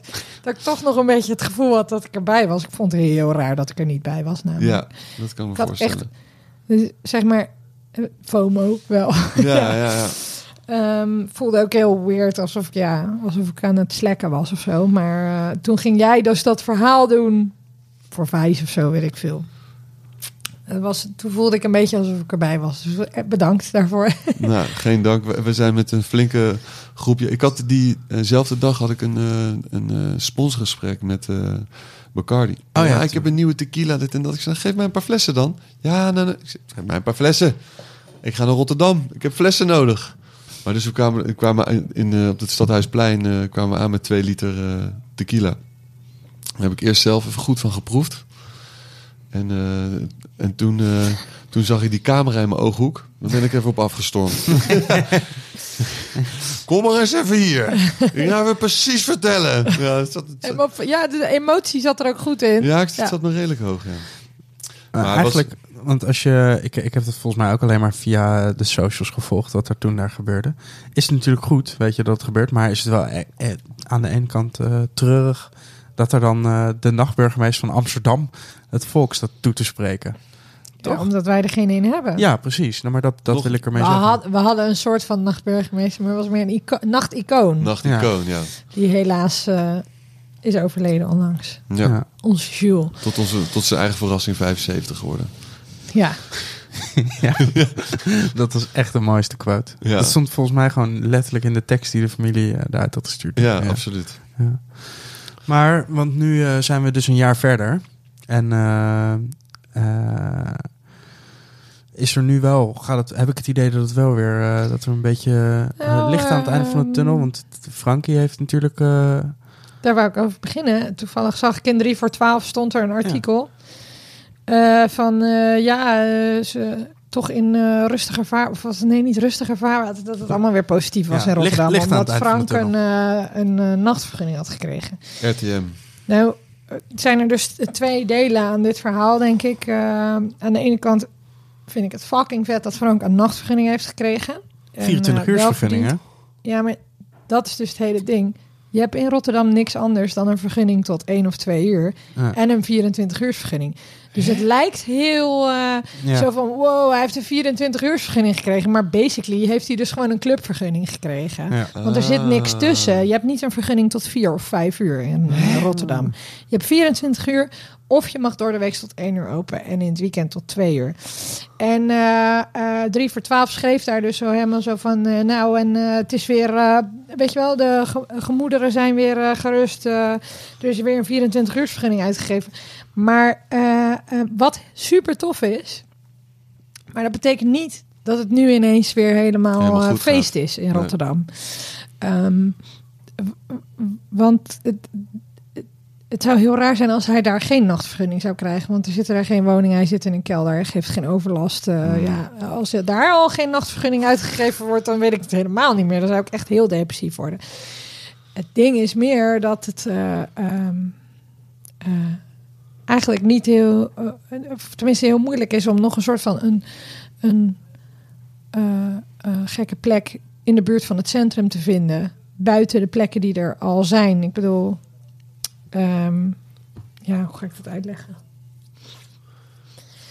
Eerst was het nog best, weet je, toen wij in, eh, in, de, of in Bar kwamen, toen eh, waren er nog mogelijkheden. En eh, wij zitten op een hele gekke plek. En dat is een soort plek waarvan we wisten dat het ging verdwijnen. En dan kan je nog een soort van, ja, dat noemen ze dan placemaker, weet je wel. Mm, ja, ja, ja. Ja, daar kan je nog wat geks mee. En nu, als wij nu ergens naartoe willen verhuizen, we zijn nu in Schiedam aan het kijken. of all places. En zelfs daar denk je, "Mwah, gaat dit lukken of niet? Dat is heel spannend. Eh, eh, we zijn in de grootste uithoeken van eh, Rotterdam aan het kijken. Dus je kan niet meer in Rotterdam-Zuid kijken, maar je moet voorbij Rotterdam-Zuid kijken. Je kan niet meer in West kijken, je moet voorbij West kijken. Eh, ehm, dat er nu een nachtvergunning is uitgegeven, betekent niet dat ze nu ineens heel veel snappen van het nachtleven in Rotterdam eh, Mm. bij de gemeente. Eh, wat ik zeg, Chris is heel goed in gesprekken met de gemeente, dus die blijft daar ook langs gaan en in gesprek met die mensen. Morgen hebben we weer een gesprek, dus ik ben eh, benieuwd wat Maar- daaruit komt. Maar perron is weer open. perron is weer open, ja. Ehm, eh, RTM, dus nu aan, eigenlijk aan de overkant van bar. Ja. Open. Super, super tof. En- het zijn ook allemaal bekenden van ons. Dus En, en, en jullie zijn veranderd in een in Poing. Arcadehal. In een arcadehal. Ja, ja. Eh, wij eh, eh, hebben geen contract meer daar eigenlijk, basically. Het, gaat daar gesloopt worden, het schieblok. Hmm. Dus om nou met een club daardoor te gaan, vonden, vonden we ook wel spannend. Ehm, had gekund. Maar we hadden ook al aangekondigd dat we gingen verhuizen. En we zijn wel mensen van ons woord. Dus we dachten, we gaan nu niet eh, ehm, alsnog zeggen... hoera, bar gaat weer open. Ik bedoel, we zijn niet een soort bar 25... die eh, eh, 27 openingen en slu- sluitingen heeft gehad. Ehm, maar we hadden die plek nog. En we hebben die 24-uursvergunning nog. Eh, zolang wij daar zitten, zit die 24-uursvergunning erop. Contract hebben we niet meer. Dus we kunnen per drie maanden worden we verlengd. Eh, toen dachten we, nou ja, het is wel zonde om hier niks meer mee te doen. Eh er één grote verhuurplek van maken, daar werden we ook niet heel gelukkig van. Het is ook wel leuk om nog iets met een identiteit te vormen. En weer een club, dat sloeg nergens op. Want dan ga je een soort eh, zombie tot leven wekken. Dus toen eh eh Merran, Moody Merran, zat ik eh pizzaatje mee te eten. En die zei, die heeft af en toe daar briljante ideeën, deze jongen. Die, zat, eh, die zei, weet je wat jij moet doen? Je moet daar gewoon een arcadehal beginnen. Niet denkende dat we dat ook gingen uitvoeren, natuurlijk. Hij zegt nog steeds, eh, wanneer komt dat portret van mij naar boven de bar te hangen? Als een soort eh, Mao eh, schilderij boven de bar wil die nog steeds hangen. Ehm, eh, ja, ehm, En jullie zijn dat gewoon gaan we zijn doen. dat gaan doen. Ja. Ja. En eigenlijk past het, het, het past wel heel erg in de beeldtaal die jullie altijd hebben gehad. Ja, en we hadden ook al spellen daar. En het zag er eigenlijk ook al uit als een gamehall. En sterker nog, eh, we hebben op een gegeven moment hebben we dus contact opgenomen met de eigenaar van de Tonton Club. En die zei, eh, wij zeiden, nou, we willen van eh, bar een gamehall maken. En die zei, oh, ik was een jaar of twee geleden, was ik een weekendje weg. En eh, toen ben ik naar bar gegaan en toen dacht ik, nou, dit is echt een ideale plek voor een eh, arcadehal. Dus die was zo enthousiast. Die heeft ons meteen met alles geholpen. Met de leverancier van de spellen. En eh, die is gewoon met ons mee gaan denken. Twee keer langs geweest en gezegd... hier moet je een muurtje bouwen. Dit moet je doen, dat moet je doen. En binnen twee maanden stond er een, een gamehall eigenlijk. Eigenlijk zou je in die eerste zaal prima kunnen lasergamen. Ja, dat zou wel kunnen, ja. Hebben we ook over In nagedacht. het keldertje zou je ook lekker lezen kunnen gamen. Ja, maar is misschien toch net te klein. Heel klein, heel klein lasergamepje. ja. Af, af, af, af, af. Af, af, af. Nergens verstoppen. Eh, de, de, achter, de, zeg maar de hoofdzaal van Bar eh, herken je nu niet meer terug. Want dat is een soort eh, Stranger Things eh, gamehall, eh, jaren tachtig gamehall geworden. En midden in die zaal, waar toen al die mensen stonden te reven, is een heel groot karaoke-hok gebouwd. Ja, dat, dat, en dat is, daardoor is die ruimte totaal onherkenbaar. In Ja. het midden is, is, is- zijn wanden gebouwd Ja. tot aan het plafond. En daardoor is het in één keer... Ik vond dat heel eng, maar Chris heeft het gewoon gedaan. En Ja, maar het is wel goed. Da- daardoor als je binnenkomt zie je niet gelijk het einde van die ruimte. En, en, en, en ga je toch automatisch dat rondje lopen. Ja. Ja, dus, Ja. En eh, ja, je hebt die muren ook nodig voor je kasten. Ik weet ineens ook eh, heel veel van eh, spelkasten. ja. Ik dacht dat ik dus heel veel ging gamen zelf, maar dat valt dus heel erg mee. Het, ik, de eerste paar keer dat we daar open gingen en ik hoorde al die... Ja, het is echt als het daar druk is en je hoort al die geluiden van die spelkasten Ja. en die bellen en die toeters en dan die schreeuw van die X-Files flipperkast. Toen dacht ik echt, waarom de fuck heb ik bedacht dat ik een gamehall wilde openen? Ik ben namelijk echt heel snel overprikkeld. En dan ga je, kom je met een arcadehal. Ik heb Meran ook heel erg bedankt ervoor. Toen ging ik pas dus met Meran op zaterdagavond daarheen. Hij stond tien minuten. Toen zei hij, ik wil toch wel weg.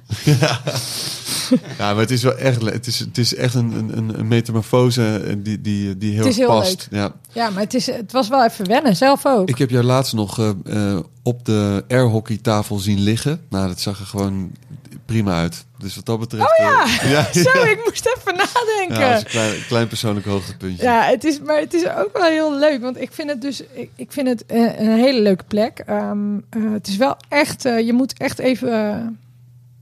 nou ja, als je dus iemand bent die snel overprikkeld raakt... dan moet je heel eventjes een knop omzetten... en denken, oké, ik ga nu in heel veel lawaai terechtkomen. Ja, je moet lekker gewoon gelijk in zo'n spel duiken. Ja, dat moet je dus doen. Ja. Je moet meteen op zo'n bankje gaan zitten Ja. en Tekken gaan spelen of zo. Ja, en dan, eh, en dan ik, ik, ik hou dus heel erg van schietspellen, ben ik achtergekomen inmiddels.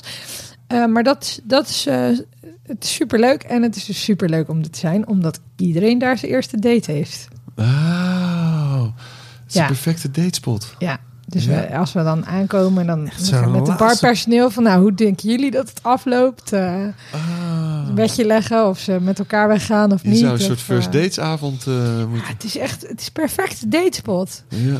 Ja, natuurlijk. Zou jij daarheen gaan op je eerste date? Ik hou sowieso niet heel erg van daten. Maar ehm, nou ja, op zich wel. Want je hebt wel een soort van afleiding. Als, je dan, als het awkward wordt, dan kan je in ieder geval nog een spelletje Kun je in ieder geval lekker schieten in het rond. ja, ja. Sorry schat, wat zeg je? Ik ben even eh, een paar zombies aan het knallen. Ja, ja, ik vind daten sowieso best wel een, een awkward eh, bezigheid. Ingewikkelde bezigheid wel. Ehm, Hmm. Dus ja, waarom niet eigenlijk? Want je Waarom kan vind je daten ingewikkeld? Ja, omdat ik het gewoon heel ongemakkelijk vind. Ik, ga, ik heb dan het gevoel dat ik heel de hele tijd dat gesprek gaande moet houden. En eh, Zoals wij nu. Maar, maar, maar, denk je het voelt dat, ook een beetje als een date dit, hè? maar denk je dat die ander dat niet ook heeft?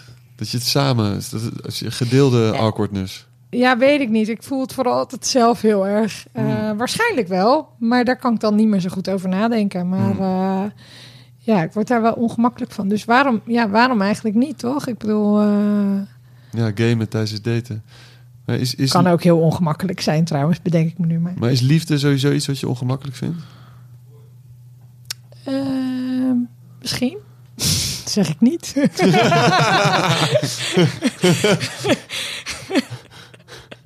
Oeh, gevoelige snaar.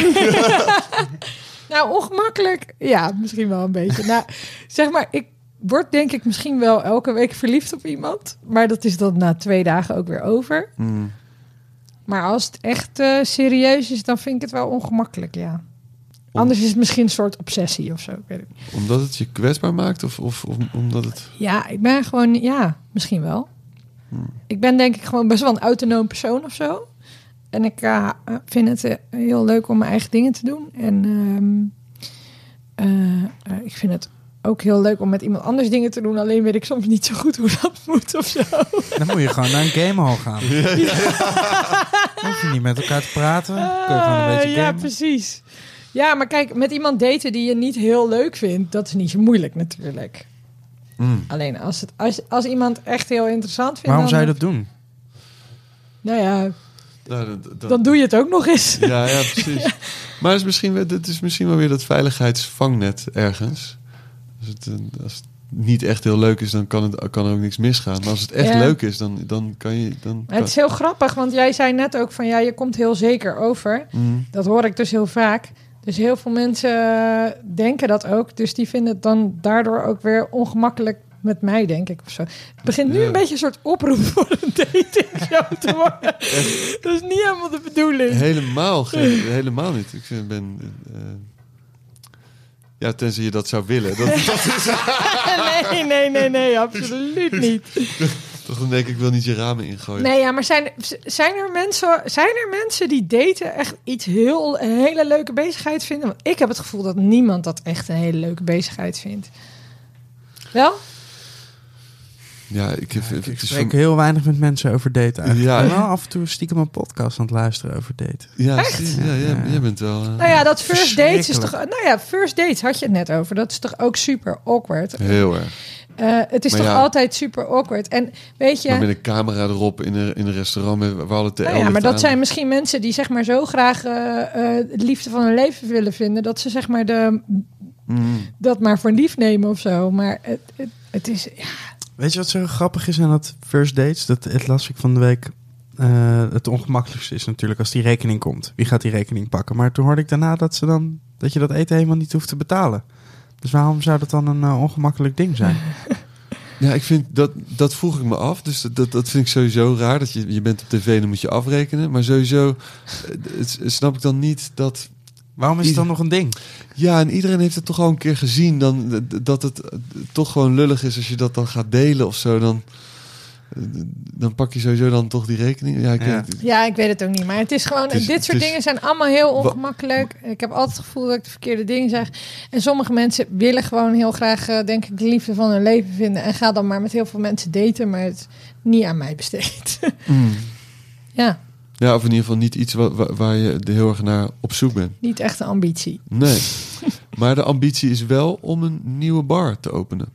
Of een nieuwe, nieuwe club. Want we, hebben- we hebben het natuurlijk helemaal niet gehad over eh, het sluiten van bar en de gesprekken die jullie hebben gehad met de ge- gemeente en die wedstrijd die jullie hebben gewonnen en de ruimte die er was en investeringen die jullie hebben gemaakt en, en vervolgens de, eh, die demonstratie die er is geweest en, en, en, en zeg maar de, Ja, en toch een soort vacuüm wat daarna is ontstaan. En, ehm, eh, maar jullie zijn nog steeds wel aan het zoeken. Tot, Ja, maar tot dat- in Schiedam. dat is dus wel eh, wat ik net zei, zeg maar. Dat ik dan een soort van faalangstig ben of over alles twijfel. Eh, Twijfel ik ook net zo hard over of ik eigenlijk die club wel of niet wil. Hè? Maar ja, dan Mhm. toch wel er naar zoeken. Ja, En dan kijk je dan wel of, dat je, of je het niet wil. ja, Als je hem hebt gevonden. eigenlijk wel, ja. Ja. Maar dan weet je het ook wel. pas echt, toch? Als je niet naar zoekt, dan weet je Ja, zeker je dat moet gewoon dingen... Op een gegeven moment moet je maar gewoon dingen op touw zetten... en dan eh, ergens ja tegen zeggen. En dan eh, merk je vanzelf wel of het wel of niet... eh, je, je kan wel... eh, je- weet je, soms ga je ook dan te lang nadenken over dingen. En dan... eh, als je te lang gaat nadenken, ga je sowieso niks doen, denk ja ik. precies. Dus soms moet je maar gewoon eh, jezelf een beetje forceren om zoiets te willen. En dan merk je vanzelf wel waar het eindstation is. Eh, dus we zijn nog op zoek. Ja, en eh, we hebben... Ik, ik zit in een groepsapp met mijn collega, met Sjoerd natuurlijk. En Mm. Chris en Colin, onze productie... koning, mag ik hem wel noemen. zijn we met z'n vieren nog steeds heel... ja, altijd nog wel aan het zoeken. En dan af en toe komt iemand weer met een plek. Chris, die heeft het inmiddels echt... Die, die heeft het tot soort kunst verheven... om dan zo eh, eh, op Google gewoon... eh, gewoon le- leegstaande velden te zoeken. en dan te kijken zo van... Oh, hier is een plek ergens in de buurt van Rotterdam... waar we misschien wel iets kunnen beginnen. Of een buitenclub kunnen starten. Die, die gaat gewoon... Die, die is altijd aan het rondfietsen. En dan appt hij ons weer. En dan zegt hij... Nou, misschien eh, kunnen we hier wel wat... Dus we blijven er wel over in gesprek. En eh, dus ja, de ambitie die is er altijd wel. Ik bedoel, eh, bloed kruipt waar het niet gaan kan. we- we doen dit al zo lang. Dit is ook iets waarvan we weten dat we het kunnen natuurlijk. Dus, Mhm. En we missen bar ook wel, gewoon. Dat was eigenlijk ook een vraag die ik wilde stellen. Dat, dat is, op een gegeven moment heb je natuurlijk... Want eh, Bar was ook echt community-based. Dat is inderdaad clubhuis, buurthuis eh, van de toekomst. Ja. En eh, heb je het gevoel dat die, dat die groep mensen er nog steeds is? Of, of verwatert dat dan op een gegeven moment? Die groep die is er nog wel. Ja, ik, had, ik was heel bang dat we. Het is heel. eh, ik zei dit pas tegen iemand ook dat je dan. eh, dat iemand zei: Ja, hoe voelt dat dan? En dat ik zei: Ja, soms voel. Dat klinkt echt als een heel groot ego-ding. Maar soms voelt het alsof ik ineens niet meer belangrijk ben of zo. Ik, niet dat het een soort van. eh, per se mijn ego vervult. Maar je hebt wel het gevoel dat je een soort van functie voor mensen hebt of zo. Ja, het gaat, niet om, het gaat toch om- niet, om, niet zozeer om ego, maar wel om positionering binnen eh, de stad. ja, het is heel duidelijk dat je iets voor mensen doet of zo. Ja, En eh, daardoor, ik was ook heel bang dat we ineens die, inderdaad die familie, die community niet meer hadden. Maar die is er gewoon nog. Ik denk niet dat het eeuwig moet duren dat je niet met een nieuwe club komt. Maar die community die is er wel. En die gaat gewoon, eh, die, die, verspreiden zich zo een beetje over de stad. En je hebt natuurlijk Perron en RTM. Maar het is niet alsof ze bar vergeten. Dat Gaat dat niet ook weer dicht, Perron? ja, uiteindelijk wel, denk ik. Uiteindelijk, ja. Maar niet eh, binnen nu en een maand of zo.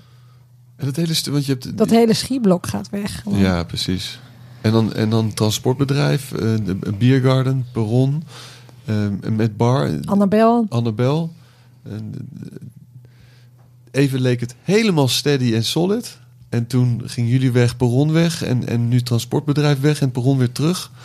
En, is het niet, wa- waarom blijft dat niet gewoon zo'n zalig plein vlakbij de gemeente er gewoon geen reet van begrijpt eigenlijk. Ja, maar, en geld waarschijnlijk. en geld en eh, het is er nog wel. En natuurlijk, er wordt wel, eh, er wordt wel over gepraat. Hè, van eh, als we nou gaan herontwikkelen, wat kan er dan nog terugkomen? Weet je, als een Het biergarten. roodkapje is ook te gek. Die, is fantastisch. Ja. Roodkapje is echt, echt één fantastische plek. Is misschien wel een van de beste plekken daar. eh, die, die, die hebben een, een burgerrestaurant en een soort expositieruimte met fucking weirde kunst, maar Ja. heel leuk. En het is ook, het is zeg maar, het is niet elitair, dus het is gewoon wel toegankelijk en ook eh, eh, eh, laagdrempelig voor mensen.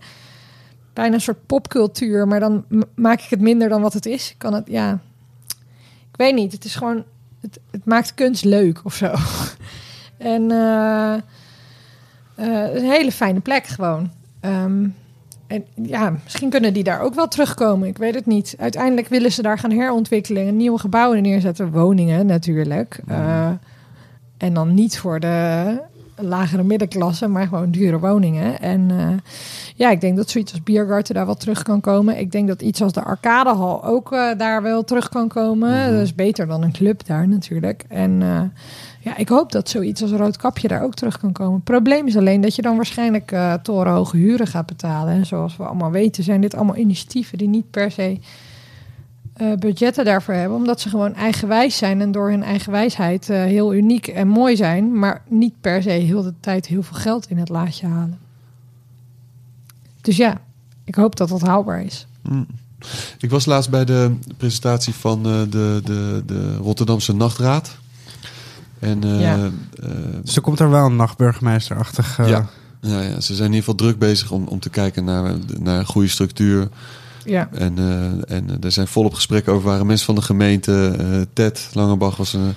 natuurlijk. eh, en jij was er ook, Jet. En toen ho- hoorde ik eh, tijdens die discussie mensen zeggen van ja, ik mis creativiteit en ik mis allemaal dingen. In, en ik, ik niet hoor. ik moet zeggen dat vanuit Den Haag kijken naar Rotterdam en eigenlijk altijd wel dat er juist veel gebeurt of zo. Ja. Ja. Dat, er, dat, dat, de, dat de zalen vol staan van, vanaf MTC en nou wauw, en Maasilo eh, en, en gewoon, ja toch, Ja, dat komt ook omdat je er niet iedere week bent. misschien, ja misschien. Ja, nou, ik heb het gevoel dat het gewoon best wel levend is. Dat, dat, er, veel, eh, dat, dat er veel actie Vind is. ik ook hoor. Er is best wel wat creativiteit. eh. Ja man, hartstikke. Eh, ik denk dat de creativiteit niet mist. Ik denk alleen dat de, de, de eh, eh, dat het niet heel makkelijk gefaciliteerd kan worden, omdat er gewoon niet heel veel plekken zijn waar je het kan uitoefenen misschien. Maar Mm.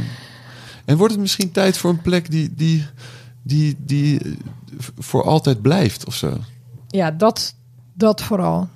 Ik bedoel, ze zeiden het van de week nog zo mooi tegen Chris. Toen zeiden ze, ja, maar dat hoort toch ook een beetje bij jou, een beetje dat eh nomade bestaan. Toen zei hij, nou, weet je, ik heb inmiddels ook twee kinderen. Ik kan wel blijven doorreizen, maar eh, op een gegeven moment moet ik ook een soort vaste plek hebben. Ja, dat is ook Dat dat- nomade bestaan hebben we niet per se voor gekozen. Dat is gewoon een noodgedwongen ding. Nee, maar en dat tij- tijdelijke invulling is ook iets wat, wat soort wordt verheerlijkt in de sens van ja, dat is toch leuk. Dan is het even, is het ding te. Ja, dan betaal je lekker weinig huur. ja, ja, precies. Ja, ja, ja.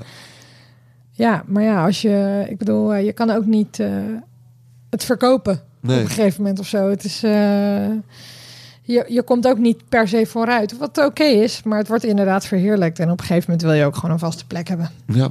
Ja, maar dat is wel moeilijk. Als je nu dit weekend eh, gaat draaien, wat is dan de eerste? Heb je dan al een eerste track in je hoofd die je wil draaien? Nee, want ik moet na David Funk draaien. Dus echt heel erg afvragen wat David Funk gaat doen en dan eh plaat inzetten. Maar ik weet wel dat ik eh, sowieso een eh, tribute aan Andrew Weatherall ga doen eh, dit weekend. Ah, May he rest in. eh, Ja, dat is één ding wat In ik peace. zeker weet. ja. Dat ik een track ga draaien die hij heeft gemaakt, in ieder geval. Wat was je relatie met hem? eh? Nou, ik had eh, niet eh, per se... Ik heb hem één keer in mijn leven ontmoet. En dat Oh. vond ik een heel bijzonder eh, avond. En eh, heb ik hem gesproken. Maar hij was voor mij gewoon een hele grote helft. helft. ik ga echt lekker hè, met die versprekingen. Je betere wederhelft. Een hele grote held. Eh, eh, ik had het net over de Hacienda. Eh, die club in Manchester van eh, eh, New Order. Daar is een boek over geschreven. How Not to Run a Club heet dat. Dat is heel interessant, want zij hebben dus echt elke fout die iemand kan maken met een clubrunnen, die hebben ze gemaakt. Top. Ik moet, Oh, oh, moet ik echt lezen. Dus ik, ja, dit is echt fantastisch. Dit verhaal, Nieuw Orde heeft geen rode rotcent overgehouden aan hun, aan hun Nieuw Orde zijn. Want het is dus allemaal in die club gegaan. En het is allemaal gewoon opgegaan. En toen zijn ze failliet gegaan daarna. Jo. En eh, een van de huis-DJ's daar was eh, Andrew Weatherall. En eh, hij heeft ook heel erg, hij heeft een hele grote kennis van postpunk. En ik heb een hele grote liefde voor postpunk gehad altijd, vroeger al.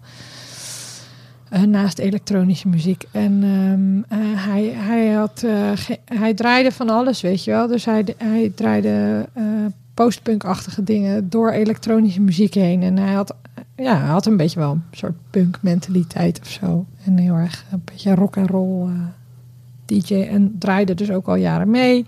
Heeft heel veel toffe dingen geproduceerd, zoals een album van Primal Scream. En, eh, Ja.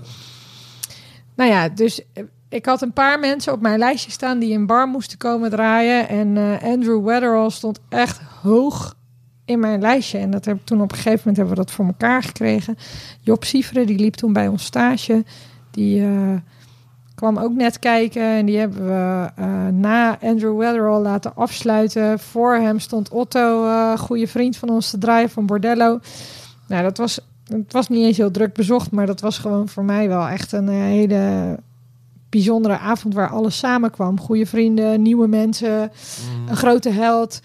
En dat hij bij ons in de club mocht draaien. En dat is één keer gebeurd. En we hebben hem altijd nog wel een keer willen boeken. Maar op een of andere manier kwam dat er niet van. En ik had heel erg het gevoel dat die man echt tot zijn tachtigste achter die draaitafel zou staan. Ja. En die is ineens eh, van de week overleden. Ja. ja. En ook al heb ik hem maar één keer in mijn leven ontmoet, ik merkte toch dat het me meer deed dan ik had eh, verwacht. Eh, nou, dan ik had verwacht. Nee, dat het me best veel deed. Hmm. En je hoeft niet per se iemand persoonlijk te kennen om, Affiniteit daarmee ja, te hebben. om, om daar gewoon. eh, Kapot van te zijn. ja. ja, om Ja. dat gewoon. eh, ja, ik weet niet. Ik had gewoon het gevoel dat een heel bijzonder persoon was, Mm. is. Dus ja, daar moet wel even een, eh, Een tribute. eh, een tribute plaat voor gedraaid Ik worden. denk dat er heel veel Andrew denk- Weatherall wordt gedraaid uh, komend weekend. Ik denk dat komend weekend heel veel mensen een plaat van hem gaan draaien. En Ja. terecht. Want eh, die man heeft wel geschiedenis gemaakt, zeg maar. Ja. Ja, Ja. Cool. Ja. Drink je koffie? ja. Hoe drink je hem dan? ja ik ben dus zo'n trut die hem eh, met eh, een latte met havermelk drinkt. ja. ja, kut hè? Nee, man. Nou, bij mij dat- thuis drinken ze niet anders. Ja, Gewoon maar- het allerlekkers toch? Ja, Ja. kunnen we heel moeilijk over Mijn gaan meisje doen. doet het ook. Nee, ik drink mijn koffie alleen zwart, heel stoer gaan zeggen. Maar vind ik echt niet te zuipen gewoon. Nou, dat, ben ik niet helemaal met je Ja, vind ik niet lekker. Echt niet. Kan het niet. Lukt me Nee, niet. nou, dat is, maar dat is fijn dat er dan Maar ik havermelk is drink dan wel uitgevonden voor jou. liever. Ik drink dan wel. Nou, Liever je, zwarte koffie ik- dan dat je naar Queen luistert. nee. ja, sowieso. Nee, maar-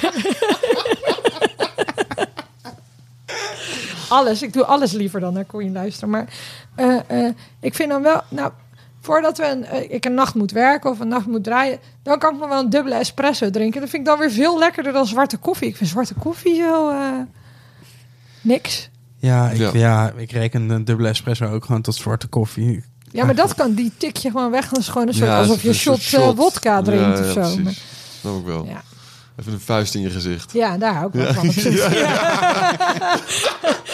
dat weet jij ook wel inmiddels. Ja, ik heb wel eh, een paar keer eh, het zien gebeuren en eh, lachend weg zien lopen. Hey, en eh, je- had nog heel veel. Je zei Andrew Weatherall stond op dat lijstje. Hoe werkte dat met boeren? Had je een, had je een soort eh, een lijstje met mensen die je heel graag in de club wilde draaien? Of- Ja, Andrew Weatherall dus. eh, gewoon omdat het echt held is. Ehm, eh, eh, wie had ik nog meer? Ben Ufo. Dat heeft me echt eh, drie jaar gekost. Dit, nou ja, het is wel goed. Zijn management is gewoon, wil gewoon, is gewoon, heeft gewoon een afwachtende houding. En die willen gewoon eerst van een andere artiest horen dat het gewoon een hele vet club is, denk ik. En Ja. ik wist van wie die dat op een gegeven moment gehoord heeft, maar dat kan ik me nu niet meer voor de geest halen. Denk Seth Troxler of zo. Nee, niet. Was dat hetzelfde management? Nee, dat was, ik weet het niet meer. Maar, eh, misschien. Misschien, ik weet het niet. Hoenie deed elk jaar een daar bij ons. Daarom. Daar was hij mega enthousiast over. Ehm anywho, Ben UFO stond ho- hoog op mijn lijstje. Dat heeft ook echt lang geduurd voordat ik die kon boeken. Eh, John Talabot stond ook hoog op mijn lijstje. Heeft ook lang geduurd. En op het moment dat ze dan eh, komen, dan is het eh, gewoon goed. En dan willen ze gewoon terugkomen. Ja, dat is top. En ja, dat, dat was gewoon heel vet. Talabot hebben we meteen op een Noes Klaaravond gezet. De eerste keer. Wat dan weer een label is van een goede vriend. Waar we dan heel fijn mee samenwerken. En hij, weet je, dat is met die grote artiesten. Die vinden dat soort labels super vet. Wij vinden dat soort labels super vet.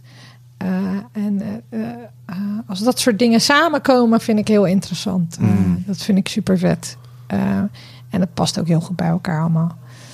Dus dat waren wel highlights. En we hebben vanaf het begin Jong Marco bij ons gehad. En dat op een of andere manier, als Jong Marco kwam, ik denk, we waren in januari 2013 open en in maart 2013 kwam hij voor het eerst draaien. Echt voor eh, een- een knaak en een bos wortels, zeg maar. Eh, stond hij in de voorzaal met een soort kut monitor speakertje, terwijl je zeg maar in de achterzaal iemand anders hoorde draaien. IF waarschijnlijk of zo.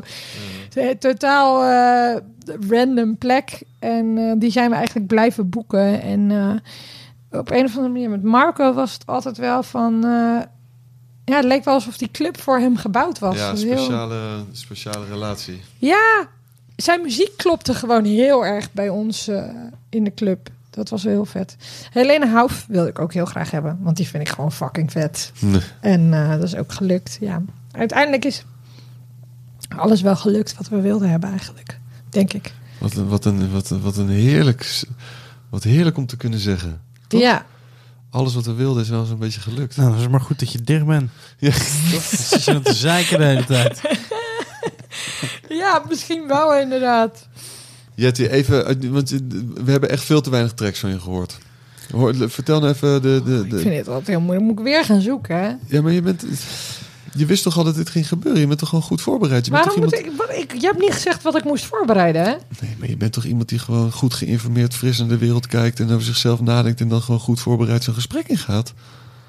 Wat zou je op je begrafenis willen horen? Ja, nee, wat ja, zou je... nou, ik ben echt eh, van de clichés, hè? Ik wil gewoon Ja, Enjoy the. Silence van die Pesh Mode. Hop, iedereen janken. Yes.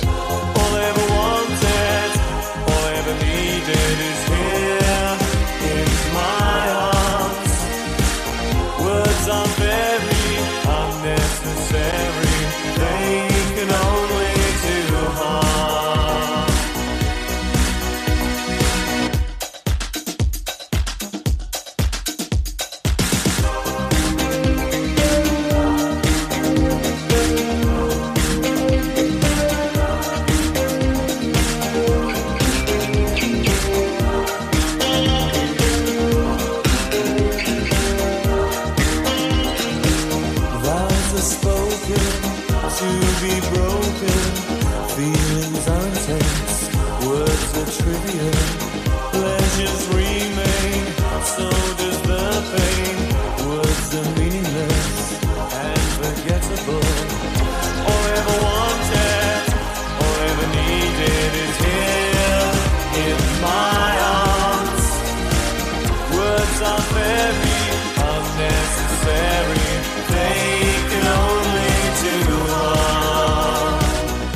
Gewoon een van de meest gedraaide tracks op een eh, begrafenis. Niet voor niks, volgens mij. Is denk het- Nee ik. hoor, denk nee, ik. is helemaal Nee? niet waar. Helemaal van week... Mo- Mozart. Nee, nummer 1, Denk, Ave Maria. ik dacht dat je nu Queen... Nee. Ave was toevallig van de week op tv. Ja. Ave Maria. Ave Maria, ja. In de honderd verschillende uitvoeringen. Ja, natuurlijk, natuurlijk. Ik heb hem ook wel eens... eh, En ehm, op mijn lijstje staat ook gewoon Dismas Be The Place, hè? Van Talking Heads. Die wil ik ook gewoon op een begrafenis. Een soort Ja. van eh, iemand die zo eh, aan het... eh, op, onderweg is. En ook gewoon ergens wil zijn, thuis. Dit is dan mijn plek. Ja, is ook wel... Past ook wel bij een begrafenis, denk ik. Of is die te vrolijk? Nee, zeker niet. Nee. Ik vind is, hem niet zo vrolijk, namelijk. Ik vind hem meer melancholisch of zo. Ja, en ehm, ehm, nou, het zit er heel erg tussen. Dat vind ik juist zo mooi. Het is niet bevestigend en niet ontkennend. Nee. Het is zo van, ja, als, en ook als, een beetje als- een soort familiegevoel. Ja, en als, als dit het dan is, dan is dit het. En, Ja. eh, laten, Ja. we het nou, laten we er maar, nou maar van genieten. Ja. Je weet nooit hoe lang het duurt. Home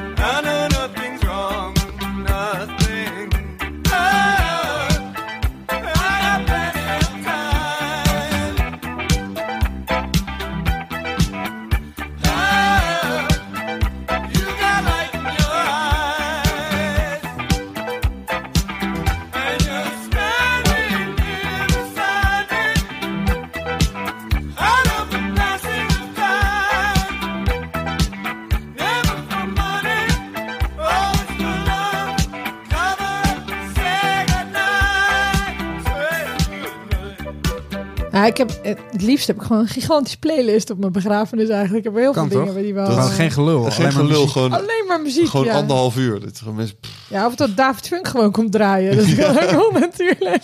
Jankend. ja, Ah, ja. want die, eh, die wordt ouder dan ons allemaal, hè? Dat weten we wel niet Die overleeft ons Overleeft allemaal. ons allemaal. Vet, hè? Ja, ik vind ook, weet je, mensen zeggen nu... Ja, nee, als ik doodga, moet echt een feestje zijn, weet je. Dus gewoon, Ja, eh, iedereen mag gewoon janken, toch? Ja, janken, koffie en van die kleffe kutcake. En eh, Ja. dat wil ik. Nee, En ja, lange Gewoon toespraken. da- daarom, maar Enjoy the Silence kan je denk ik best wel goed op huilen. En dan gewoon wel eh, dat iedereen gewoon flink janken. En daarna kan je heus wel met elkaar gaan zuipen. Maar je mag toch wel verdrietig zijn. Dat is toch Ja. ook wel even Ja. ontlading. Ja, wat nou een feestje. Koffie Nee. zonder latten. En eh, gewoon zwarte koffie, Die queen en, en, en cake. Ja, ja.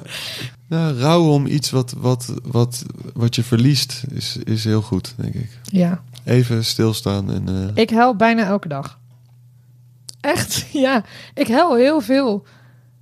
en, en maar als je Maar ook, ik kan- ik raak gewoon snel geëmotioneerd van dingen. Dus het is niet altijd eh, heel dramatisch. Mm. Maar ik kan ook eh, gewoon emotioneel raken van dingen. Ik huil heel veel. Best wel. Zoals mijn meisje die kan bijvoorbeeld heel emotioneel worden van een applaus. Heb je dat, Ja. dat, dat soort dingen? Ja. Gewoon, en, een- en een film of een verhaal of een... Film, verhaal, Muziek. gekke muziek. eh, Reclames. eh, eh, iemand eh, die ik, eh, waarvan ik denk dat hij zielig is, wat helemaal niet waar is dan. Of iemand die iets heel moois meemaakt, dan ga ik meejanken. Eh, ja, ik huil wel snel, ja. Maar het is niet erg. Ik vind dat ook wel... eh, Iemand waarvan je denkt dat hij zielig is, wat dan niet zo is. Wauw, Jetty. Die kwam even heel hard bij me binnen.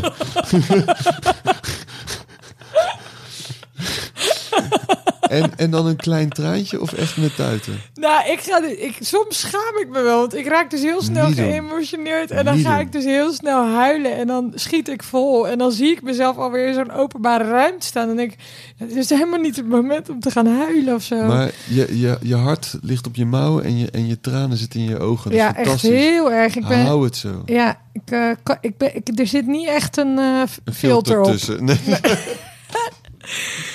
Nee, echt niet. het is gewoon Yeti. Ja, als ik ook heel boos ergens over ben, dan zal je het ook merken. Ja, Ja. ja. lekker. ja. Er zijn zoveel maskers eh, en, en rookgordijnen en vitrages en vertragingen en filters. En, ja, maar eh, het is wel soms voor jezelf eh, een beetje. eh, kan het wel ingewikkeld zijn als je zeg maar. Als je zeg maar heel zenuwachtig bent, dat je dat heel goed ziet. Of als je heel geëmotioneerd raakt, dat je dat heel goed ziet. Want soms heb je helemaal geen zin in dat mensen dat zien. Nee. Ja, als het nou helemaal Maar zo dat- is. Ja, maar dan, dan moet je ook van het podium wegblijven. En, en dat is toch een. Je, je kruipt toch iedere keer weer op het podium. Dus dan is dit ook. Je doet het niet alleen voor jezelf. Zo, hè? maar nu gaat er ineens komt er een herinnering naar boven. Weet je nog dat ik met de closing van Bar dat ik nul emoties meer had? Ja, en dat Chris de meest heftige emoties Ja. toonde die ik misschien wel ooit bij iemand heb gezien. ja, dat was echt. Dit en was ik echt- bleef jou maar aantikken en zeggen: Hé hey Steve, ik voel nog steeds niks. ja, ja. Ik was mijn broek aan het uittrekken. Nee, jawel. Dat is wel Ja. Ik heb al mijn kleren uitgetrokken. Ja. Nee, maar ja, er was... Er was eh, maar en Chris... ehm, eh, dus de, de closing van bar was eh, maandag een uurtje of één of zo, denk ik. Ja, uurtje, ja, 12 1. En het was, het was volle zaal, mensen op hun laatste benen. Maar het was, ik, ik vond het, een, het was sowieso heel bijzonder om mee te maken. En eh, er was één moment waarop Chris gewoon... eh, ehm, ja, er zijn, er zijn niet zo heel veel momenten in mijn leven dat ik weet dat ik me kan herinneren dat een, een, een, een vriend of een man in ieder geval echt, echt eh, alles liet. En dit was alle dammen braken. Gewoon Ja. van, van dus ook, ook, ook qua beweging. Het was niet alleen. Er waren bijna Voor nog Ian geen. Curtis was het Ja, bijna. maar het, was bijna geen, het waren ook geen tranen, want er was, er was zoveel emotie dat er geen tijd was voor een traan. En het was, het- hij wist gewoon, het was, het was heel, heel eh, poëtisch eigenlijk. Ja. En daar stond jij stijf als een hark. Tegen Steven en maar Steven en Steven. Ik voel nog steeds niks. Helemaal stoïcijns. Er kwam geen emotie meer uit. toen, toen, was het, li- meer. toen was het licht aan, toen waren de flesjes opgeraakt en de En vuilniszakken toen eh, dichtgeknoopt. waren de sluizen open. Hè? Ja, ja, toen werd er een flinke... Toen zei eh, iedereen moet me met rust laten. En ik bleef maar janken. En iedereen had je al lang in de hoek gezet. Ja, Maar- me met Ieder- rust. iedereen liet me met rust ook. Er was helemaal niks aan de hand. Ik dacht eigenlijk dat pas bij de bus eh, kwam toen je iemand zag waarvan je dacht dat hij zielig was. Maar het niet was. Nee, ja, maar ik had, ik had want ik weet, die drie dagen waren ook heel, het was heel, de eerste avond sowieso. Er was zowel ik als Sjoerd, als, als, als Chris, eh, allemaal los van elkaar konden we dus eigenlijk helemaal niet zo goed bolwerken, die closing. Dus op een gegeven moment, ik zo, "Mwah, weet je wat, ik doe gewoon Houdini. Ik loop gewoon even naar boven, naar kantoor. En ik loop naar dat kantoor, zitten Chris en Sjoerd daar allebei zo, heel stoïcijn, zo aan hun kantoortafel. Sjoerd, die zat mails te versturen naar mensen. Volgens mij afhandelingen te doen die nog gedaan moesten worden na de closing. En Chris die zat een soort van bonnetjes uit te tellen of zo. En ik kwam daar ook aan en ik dacht ook dat ik daar in mijn eentje zou zitten. Toen hadden we het daar dus over. Zo van ja, wa- waarom zijn jullie hier eigenlijk? Ja, ik moet nog even wat afhandelen. Ik zeg ja, we kunnen er allemaal niet zo heel goed mee omgaan. Hè. Dat, het was we konden de eerste vijf uur van die closing konden we er allemaal eigenlijk ook niet echt bij zijn. Het werd heel uptight werden we ervan. eh, eh, eh, het is misschien ook een soort zelfbescherming of zo. Dus dan duurt het heel lang voordat je bij je emotie kan. Maar als je er dan eenmaal bij kan, dan... toen zijn we allemaal gegaan, gewoon. Ja. Ja. En toen, toen hadden we het er daarna wel over dat ik nu wel naar elke closing ooit wil. ja. ja, want het is wel echt eh, zoiets maak je... Dat, dat- daar komt de energie vanaf bij een closing van een... Ja? Dat, dat is, iedereen, iedereen sluit het namelijk voor zichzelf af. Mm. Het is niet alleen voor ons, maar voor iedereen die daar kwam. Maar is, er zijn niet zo heel veel plekken in de stad ehm, waar je woont waar je echt een relatie mee aangaat. Hè? Ik bedoel, een, een, een bakker ga je naar binnen, koop je een brood, ga je weg. Ga je weg? En, eh, en, en, en een club is eigenlijk een van de weinige plekken eh, waar je eh, in een bepalende periode van je, of een Leven. vormende periode van je Ja. leven, gewoon, eh, vijf, zes tot acht uur binnen bent. En waar Ja. je onderdeel bent van de. Dat Van heb ik bij de bakker ook hoor. Toen wij twee, eh, twee casino hierop eten. Ja. Nee, nee, je hoeft niet te snijden. En een half litertje melk. Ja. En dan die melk gooi je in die plastic zak toch? En dan roeren. En die, en die bakken En het aankijken. Nee, maar je hebt gelijk. Je hebt gelijk. ja, mooi.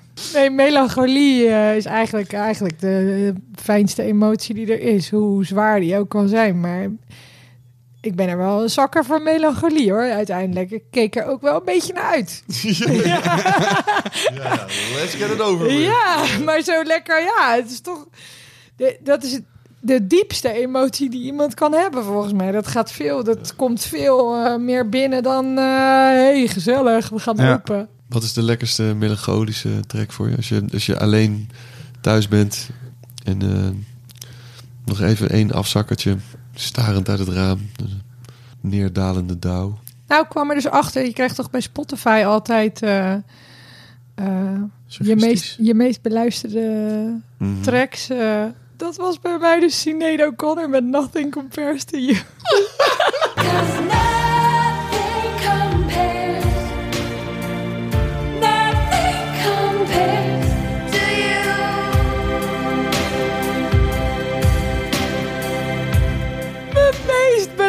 beluisterde track van Wauw. 2019. Die had ik zelf ook niet zien aankomen. Nee. Of die nou een keer in een loop heeft aangestaan... of dat ik hem stiekem echt uur- heel veel geluisterd heb. Ja, tien uur loop inderdaad. Nou, dat is best een melancholische track, toch? Ja, dat is zeker. Ja. Dat is er wel Ja, eentje, ja. dat is wel een mooie track. Nou ja, dat, ik hoop wel dat je erachter staat. Ja, als je Ja, met jij staat er niet achter zo te Ja, zien. nee, wel. Ik vind het prachtig. Ik, Ik vind hem heel mooi. Melancholie. eh, is, is mijn, eh, Het is door eh, Prince geschreven, toch? Nou, laten we daar dan eventjes eh, naar luisteren.